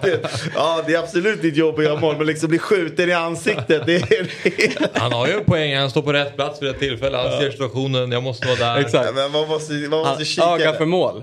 Kör, Ronaldo... kör, kör Sundsvall den när han gör mål, att de kör liksom och så springer han och så sur. Jag vet inte vem som är kommentator. Ja, jag, får jag får en nick här från kontrollrummet. Han körde si... Nej men alltså förstår du, det är så mycket rätt här. Ronaldo Damus är nu... Det, om man säger Ronaldo då är det honom vi pratar om. Jag Så du tror- måste vara tydlig. Ah, okej. Jag säger tror Cristiano. att kommentatorn också, du bara, alltså han hade fler frågor. Han bara, Okej, thank you. Du vet, så har jag för mig att det var. Det, han, han orkar inte intervjua mer. Liksom. Men i alla fall det jag tänkte landa i då, alltså som om man vill eh, ta det lugnt ikväll och kolla lite fotboll så då, sen, då är det lite matcher ändå som man kan se via Simor då som finns Ja. i Telias paket. Och då är det ju bland annat eh, Sevilla mot Real Valladolid ikväll 22.00 och jag, det jag tänkte landa i med den den eh, brasilianska Ronaldo då för att vara tydlig. Han äger ju Valladolid. Så det är lite kul tycker jag. Men, ja, det var där, dit Det var min koppling. Det var dit Ja, jag det var på väg. lite kris för Sevilla direkt, torskade premiären. Ja. Mot Blivit av med båda sina man- mittbackar i Koundé och Diego Diego Carlos. Som, Ska man komma Carlos som nu topp tre? Just det. Och, han, och eh, Monchi som äger Sevilla, han har ju plockat in nu två nya mittbackar. Nu har jag inte namnet på dem så, men det är ju en brasse och en fransman. Så det är ju samma grej som med Koundé och Carlos. så jag vet inte, han försöker kanske bygga upp det där igen Vilket var ett framgångsrecept. Ja, nej men eh, det blir eh, kul att följa Sevilla. är ju, eh, de, jag gillar ju Sevilla. Mm. Ja, vi tar oss till eh, Big Nine då tänker jag. Eh, ni spelade ju första, första gången eh, förra helgen. Det är ju alltså nio matcher i kuponger. Jag ska gå igenom lite hur det funkar och så. Ni, ni landade på sju rätt. Ni torskade på en spik på Wolverhampton som var, som jag vet att Sabri tar ju tonen för nu ska ju han igång. vet jag. i till stolen. Han, som, s- ja men ni missar Wolverhampton helt enkelt. Ja, ju Barcelona. Och så den andra var ju Barcelona då. Som, som, det, som jag har fått till mig att Axel sa, ja men det är ju en 6-0 match. Det är så kul att det har blivit, det har blivit två bommar på den här kupongen och det var Jalkemos miss och det var Axels miss. Är det Och, kul? eh, Eller är det sanningen? Det är inte så, det är så här. Du fick ta ut en spik Axel. är så- 6-0 till Barca sa du. Jag har, jag har aldrig sagt 6-0 till Barca. Jag, jag fick frågan i programmet, vad, eh, vad tror du om Barcas match? Jag tror de kommer vinna matchen med 4-0. Och sen, jag, jag har ju varit delaktig men i, i primärt så har det varit du som har tagit ut Big Nine-kupongen. Nästa gång så kommer jag vara mer delaktig och vi kommer få nio rätt. Det är bara det jag säger. Du vet, man, som kapten, så, som jag är då, då, då ska man ju inte alltid, då, man ska inte skylla på sina medspelare. Men här har jag ju två. Som gör en Nordfält och släpper in bollen från eh, Jag visste sidlinjen inte att. Sabri var kapten, nu tror jag jag måste lämna laget. Eh, nej, men alltså jag tar ut en väldigt fin kupong. Men då ska ju PL-experten Jalkemo in och ändra min Arsenal-spik mot eh, Leicester och över 2,5 till att det kan bli en liten skräll där. Att Wolverhampton är ju spiken i Premier League. Ja, klart man får lyssna på, på killen som eh, ändå ser ett par kanske mer matcher än mig i, i, i Premier League. Sen, sen tycker jag liksom att det är kul att jobba lite skrällar i, i Barcelona, men där eh, klev ju Axel in. Absolut. Och så 4-0. men så här, men så här, vi landar du, i 7 med, med Barcas försäsong och de möter Rayo, visserligen lite buggy team för eh, Barca, men strunt samma. Med Lewandowski och Rafinha och Dembélé som alla ville visa upp sig. Du menar att du själv hade bara, ah, men jag, det är lätt att vara efterklok här Sabri. Så här. Jag är mer besviken på Jalke än på dig. För jag, jag hade nog eh, också kunnat spika Barca där och över såklart, som många trodde. Men Jalkemo som klev in och ändrade till Wolverhampton. Hade vi slutat på åtta rätt ändå. Men det var två personer tror jag som, De fick nio. som fick Ja, nio. de vann 224 000 kronor var. Och eh, ska vi säga det, Big Nine då, det är nio matcher som sagt. Eh, och man ska sätta, eh, jag menar en vinnare i matcherna. Och så ska du ju även sätta om det blir under eller över 2,5 mål per match. Eh, det är ju spelstopp då lördag, lördagar klockan 16 i spelet. Och eh, det är ju europeiska toppligorna på kupongen, vilket passar oss väldigt bra. Ja, med Premier League, Serie A, La Liga. Och sådär. Så det är ju sällan de här svåra matcherna i Championship som man bara går in och kör bingo på. Ja, exakt, och det är precis. Då, då måste man ju verkligen... Här, det roliga här är ju att det är en variation i både ligor, eller i ligorna. Och att man också kan spela över och underspel. För då blir det också som att man faktiskt måste göra en analys av inte bara vilka som kommer vinna matchen men också matchbilden. Och när man väl då träffar rätt så, kom, så känner man ju sig ännu mera klok och att man är helt rätt på det. Så att jag tycker det är väldigt kul. Och sen finns det även ett wildcard. Per kupong då. Och det innebär att du, du kan välja en match där du, alltså det är alltså som du, Ja, det är en hel- du helgarderar den helt Egentligen ska du tippa åtta matcher. Så du tippar egentligen åtta matcher men det gäller att ha fingers, jag menar vara med på, kanske om man, om man vågar satsa lite kanske man tar en match som är Ja men kanske eh, majoriteten tror på att topplag vinner och då får du en helgardering där om man liksom vill gå för stor utdelning eller bara en match som man är väldigt, väldigt osäker på. Ja, nej, precis. Så det finns lite olika strategier kring eh, hur användandet, användandet, användandet av wildcardet också. Så är det. Och helgens kupong eh, är enligt följande då. Match 1, Bournemouth-Arsenal. Eh, match 2, Leicester-Southampton. Match 3, Crystal Palace-Aston Villa. 4, Everton-Nottingham Forest. 5, Fulham-Brentford. Det är alltså fem matcher från Premier League då i helgens kupong. Sen går vi vidare till match 6 som är i Serie A, Torino-Lazio. Därefter Inter-Spezia Eh, och sen de två avslutande är i La Liga. Det är Mallorca, Real Betis och Celta Vigo, Real Madrid. Mm. Eh, men precis, vi ska inte gå igenom hela kupongen i sin helhet så match för match. För då kan man kika på Eurotalk Weekend imorgon. där Ni vi- lägger en kupong och dessutom så har vi några, eh, en lite Andelar. dyrare, en lite billigare andelskuponger som man kan rygga om man vill. Exakt, heter, under Eurotalk tror jag den heter. Ja, precis. På ATG. Men, eh, nej, men om vi ska ta ut bara en eh, spik som jag tycker är ganska given. Eller jäkligt given. Det är ju då Inter hemma mot eh, Hemma mot Spezia. Det var, det var ju lite trögt i, i premiären för Inter som avgjorde typ i 94 mot Ja, eh, 95 Lecce Dumfries. borta. Men, men kollar man på Inter förra året så var de eh, seriens eh, bästa hemmalag och eh, de hade 48-16 i, eh, i, i målskillnad på hemmaplan. Så de gör ju i snitt 2,5 mål eh, per hemmamatch och jag tror faktiskt att eh, Eh, Jag ser, jag ser ju att de gör 3-4 mål här i Inter och, och kör över eh, Spezia. Så det är ju liksom kupongens spik. Och enligt, tycker jag i alla fall, och då är de ju också rent eh, procentuellt. eh, Jag kan säga det att procentu procentuellen, tänkte jag säga. Procenten på Inter just nu är på en etta då, spik etta som Sabri är inne på, det är 93 procent. Över 2,5 och ligger på 80 81 procent. Och andelen som har dragit wildcard på den här matchen just nu är 3 procent. Så om man vill vända på det då, det jag sa att man vill gå på en sån match och lägga sitt wildcard där och vara lite, sticka ut lite, då har man ju tillfälle. Men det är ju Är det Viktor-taktiken? Ja, det kanske är det. Synd att inte jag sitter i weekend. Nej, men vi kommer säga det ändå, om vi- man lägger in Viktor. eh, vi, vi har ju, eh, vi har ju, alltså jag, jag går ju alltid så att vi måste ju, man måste ju spela emot eh, några favoriter i alla fall.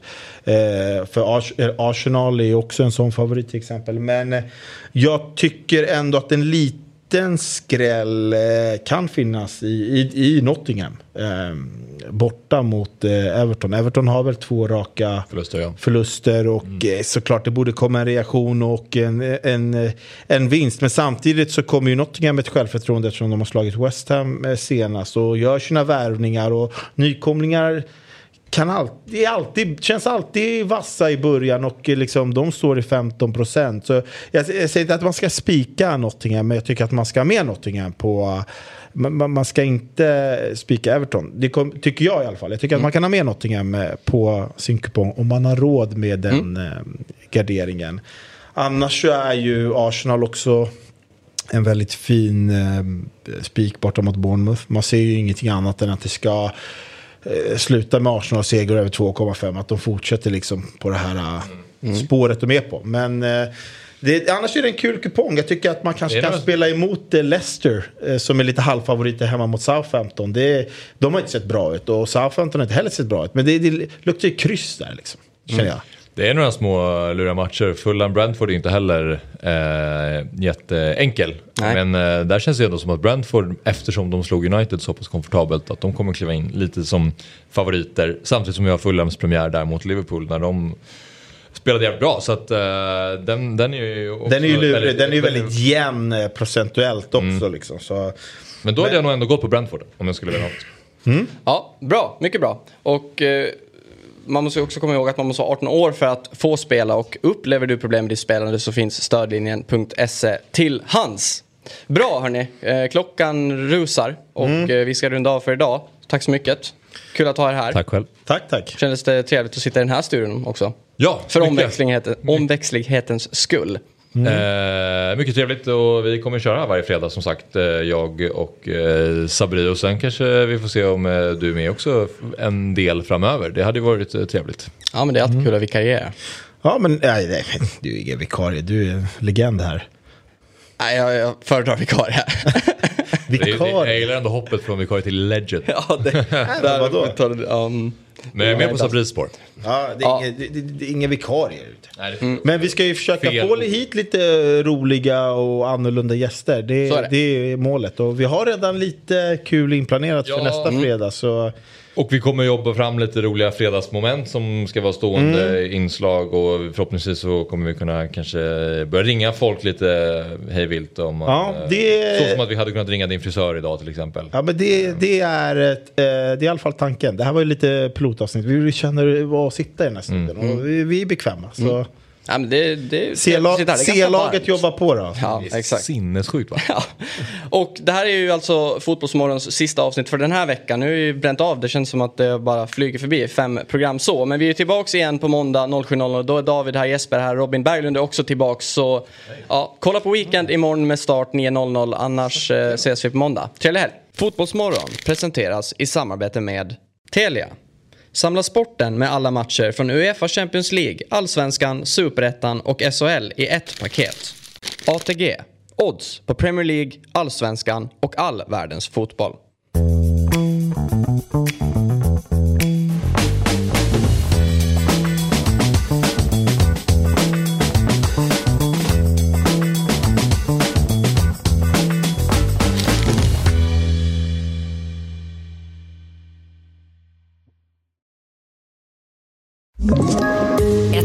Poddtips från Podplay.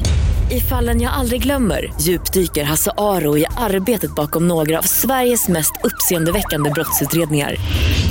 Går vi in med hemlig telefonavlyssning och, och då upplever vi att vi får en total förändring av hans beteende. Vad är det som händer nu? Vem är det som läcker? Och så säger han att jag är kriminell, jag har varit kriminell i hela mitt liv men att mörda ett barn, där går min gräns. Nya säsongen av Fallen jag aldrig glömmer på Podplay.